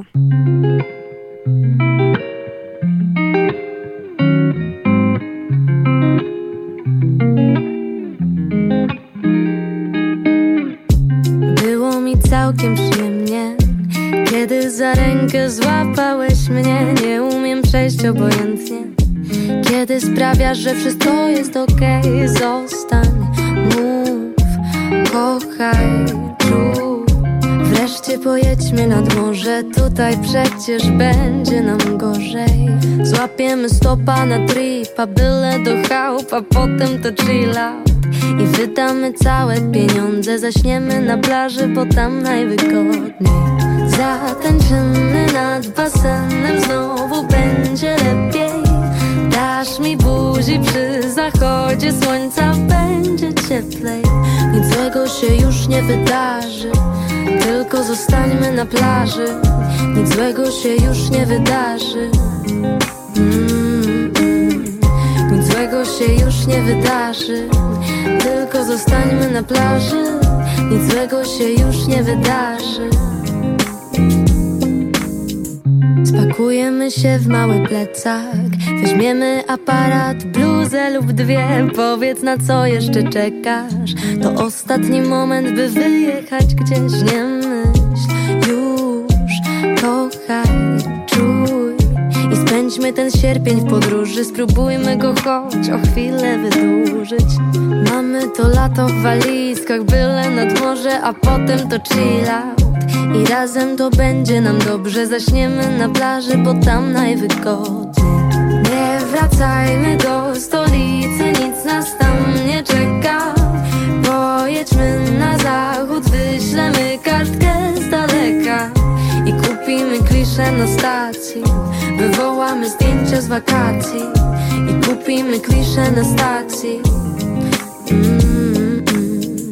I kupimy klisze na stacji Wywołamy zdjęcia z wakacji I kupimy klisze na stacji mm.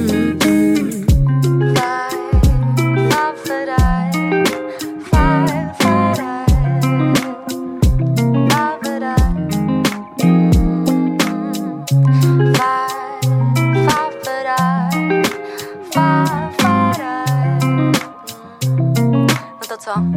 Idziemy? Specjalistka od wakacyjnych przebojów piosenek Zalia e, dziś wystąpiła na głównej scenie Kortowiady. Koncerty Zali Bryskiej za nami, w tej chwili wciąż na scenie Enej, a przed nami jeszcze Mrozu, Białas i Molesta Evenement, więc tak muzycznie dopinając to, co dzisiaj na scenie się wydarzy, posłuchajmy jeszcze e, ostatniego ze wspomnianych e, projektów. E, legenda polskiej hip-hopowej sceny, Molesta Evenement. Skandal, 25 lat Wersja 2023 Tak, Mystic Molesta. Wienio, Włody chciałem, że tak będzie. Warszawski Ursynów, ta rzecz tu się dzieje. Jestem przed Ursynów Zamykaj mamo dzisiaj drzwi Bo późno będę z chłopakami Idziemy dziś. Na kolendę Za chwilę do domu i do metra pędem.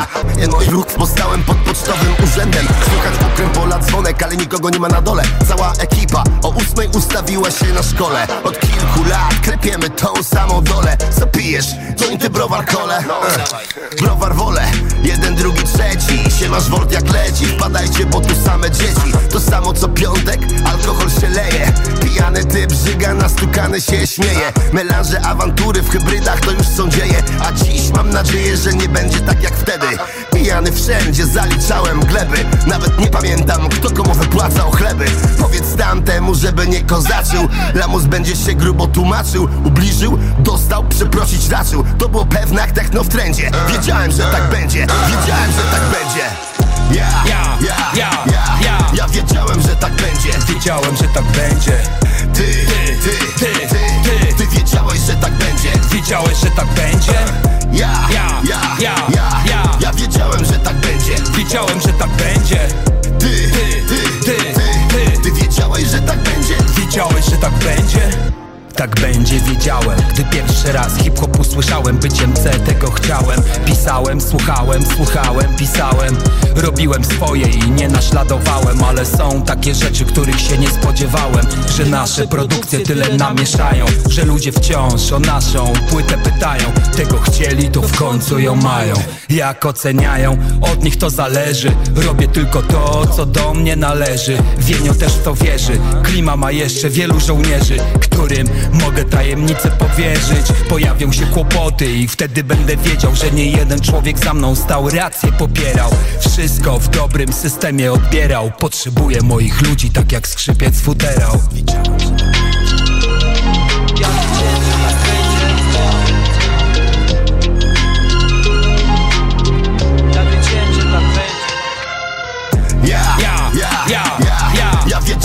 tak będzie. Wiedziałem, że tak będzie. Ty, ty, ty, ty, ty, ty wiedziałeś, że tak będzie. Wiedziałeś, że tak będzie? Ja, ja, ja, ja, ja, ja. Wiedziałem, że tak będzie. Wiedziałem, że tak będzie. Ty, ty, ty, ty, ty, ty. Wiedziałeś, że tak będzie? Wiedziałeś, że tak będzie? Ebenem. Hip-hopowe akcje, co chcesz o nich wiedzieć? Trzeba być z nami, robić Się zbliża Swoją drogą. Nie do satysfakcji wrogu Skandal, pamiętasz, kto cię wychował. Ebenem, Ebenem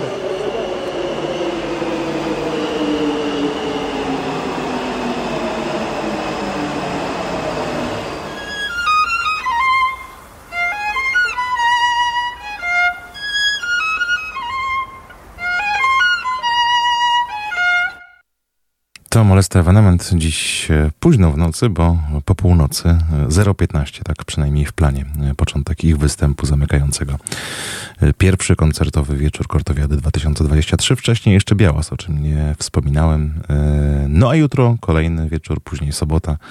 W sumie e, 16 koncertów, oprócz tych dzisiejszych e, także koncerty Michała Szczygła, Błażeja Króla, Ralfa Kamińskiego, White'a, Okiego, to jutro, a w sobotę Julia Rocka, Igo Kult, Gibbs i Sarius na kortowiadowej scenie. Powoli zbliżamy się do końca dzisiejszego wydania audycji Studio Kortowiada, no to jeszcze troszkę muzyki gości juwenajowych e, wieczorów piątkowego i sobotniego. Bal u Rafała, bal Bal u Rafała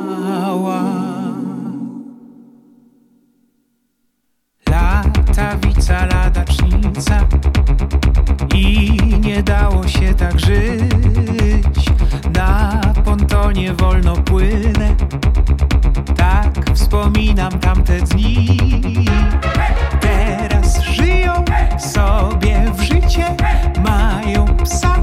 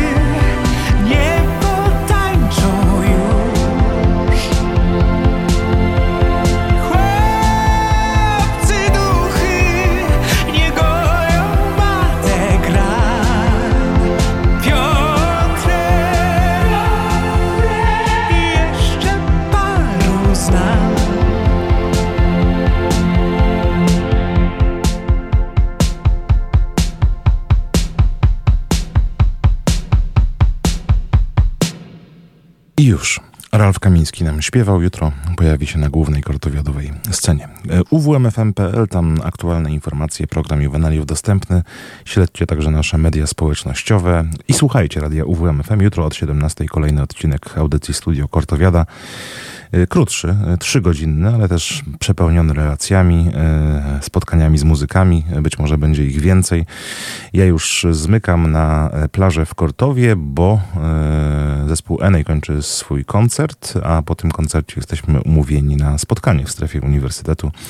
Na pewno to, co uda się zarejestrować jutro, wyemitujemy na naszej antenie, choćby w tej audycji. Dziękuję za uwagę. Dziękuję naszej wspaniałej grupie reporterek i reporterów, którzy od rana do wieczora pracują, e, byście mogli być na bieżąco z tym, co dzieje się podczas tegorocznej kortowiady. Piotr Schauer, dobrego wieczoru, dobrych juwenaliów, dobrego czasu, do usłyszenia.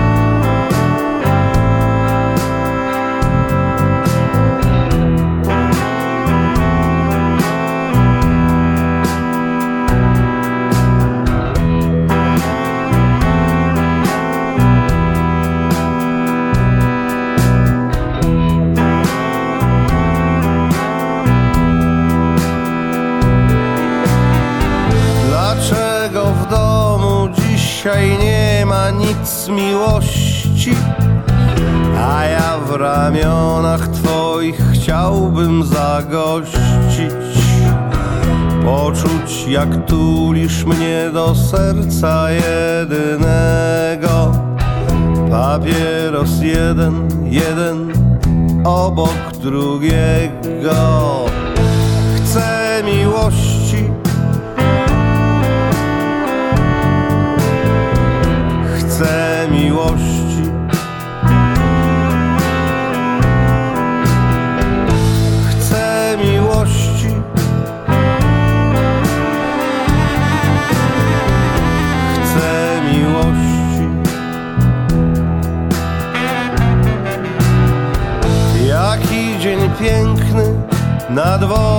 Słońce pali.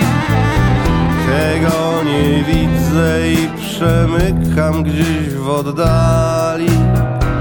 I chciałbym nie być, chciałbym by mnie nie było.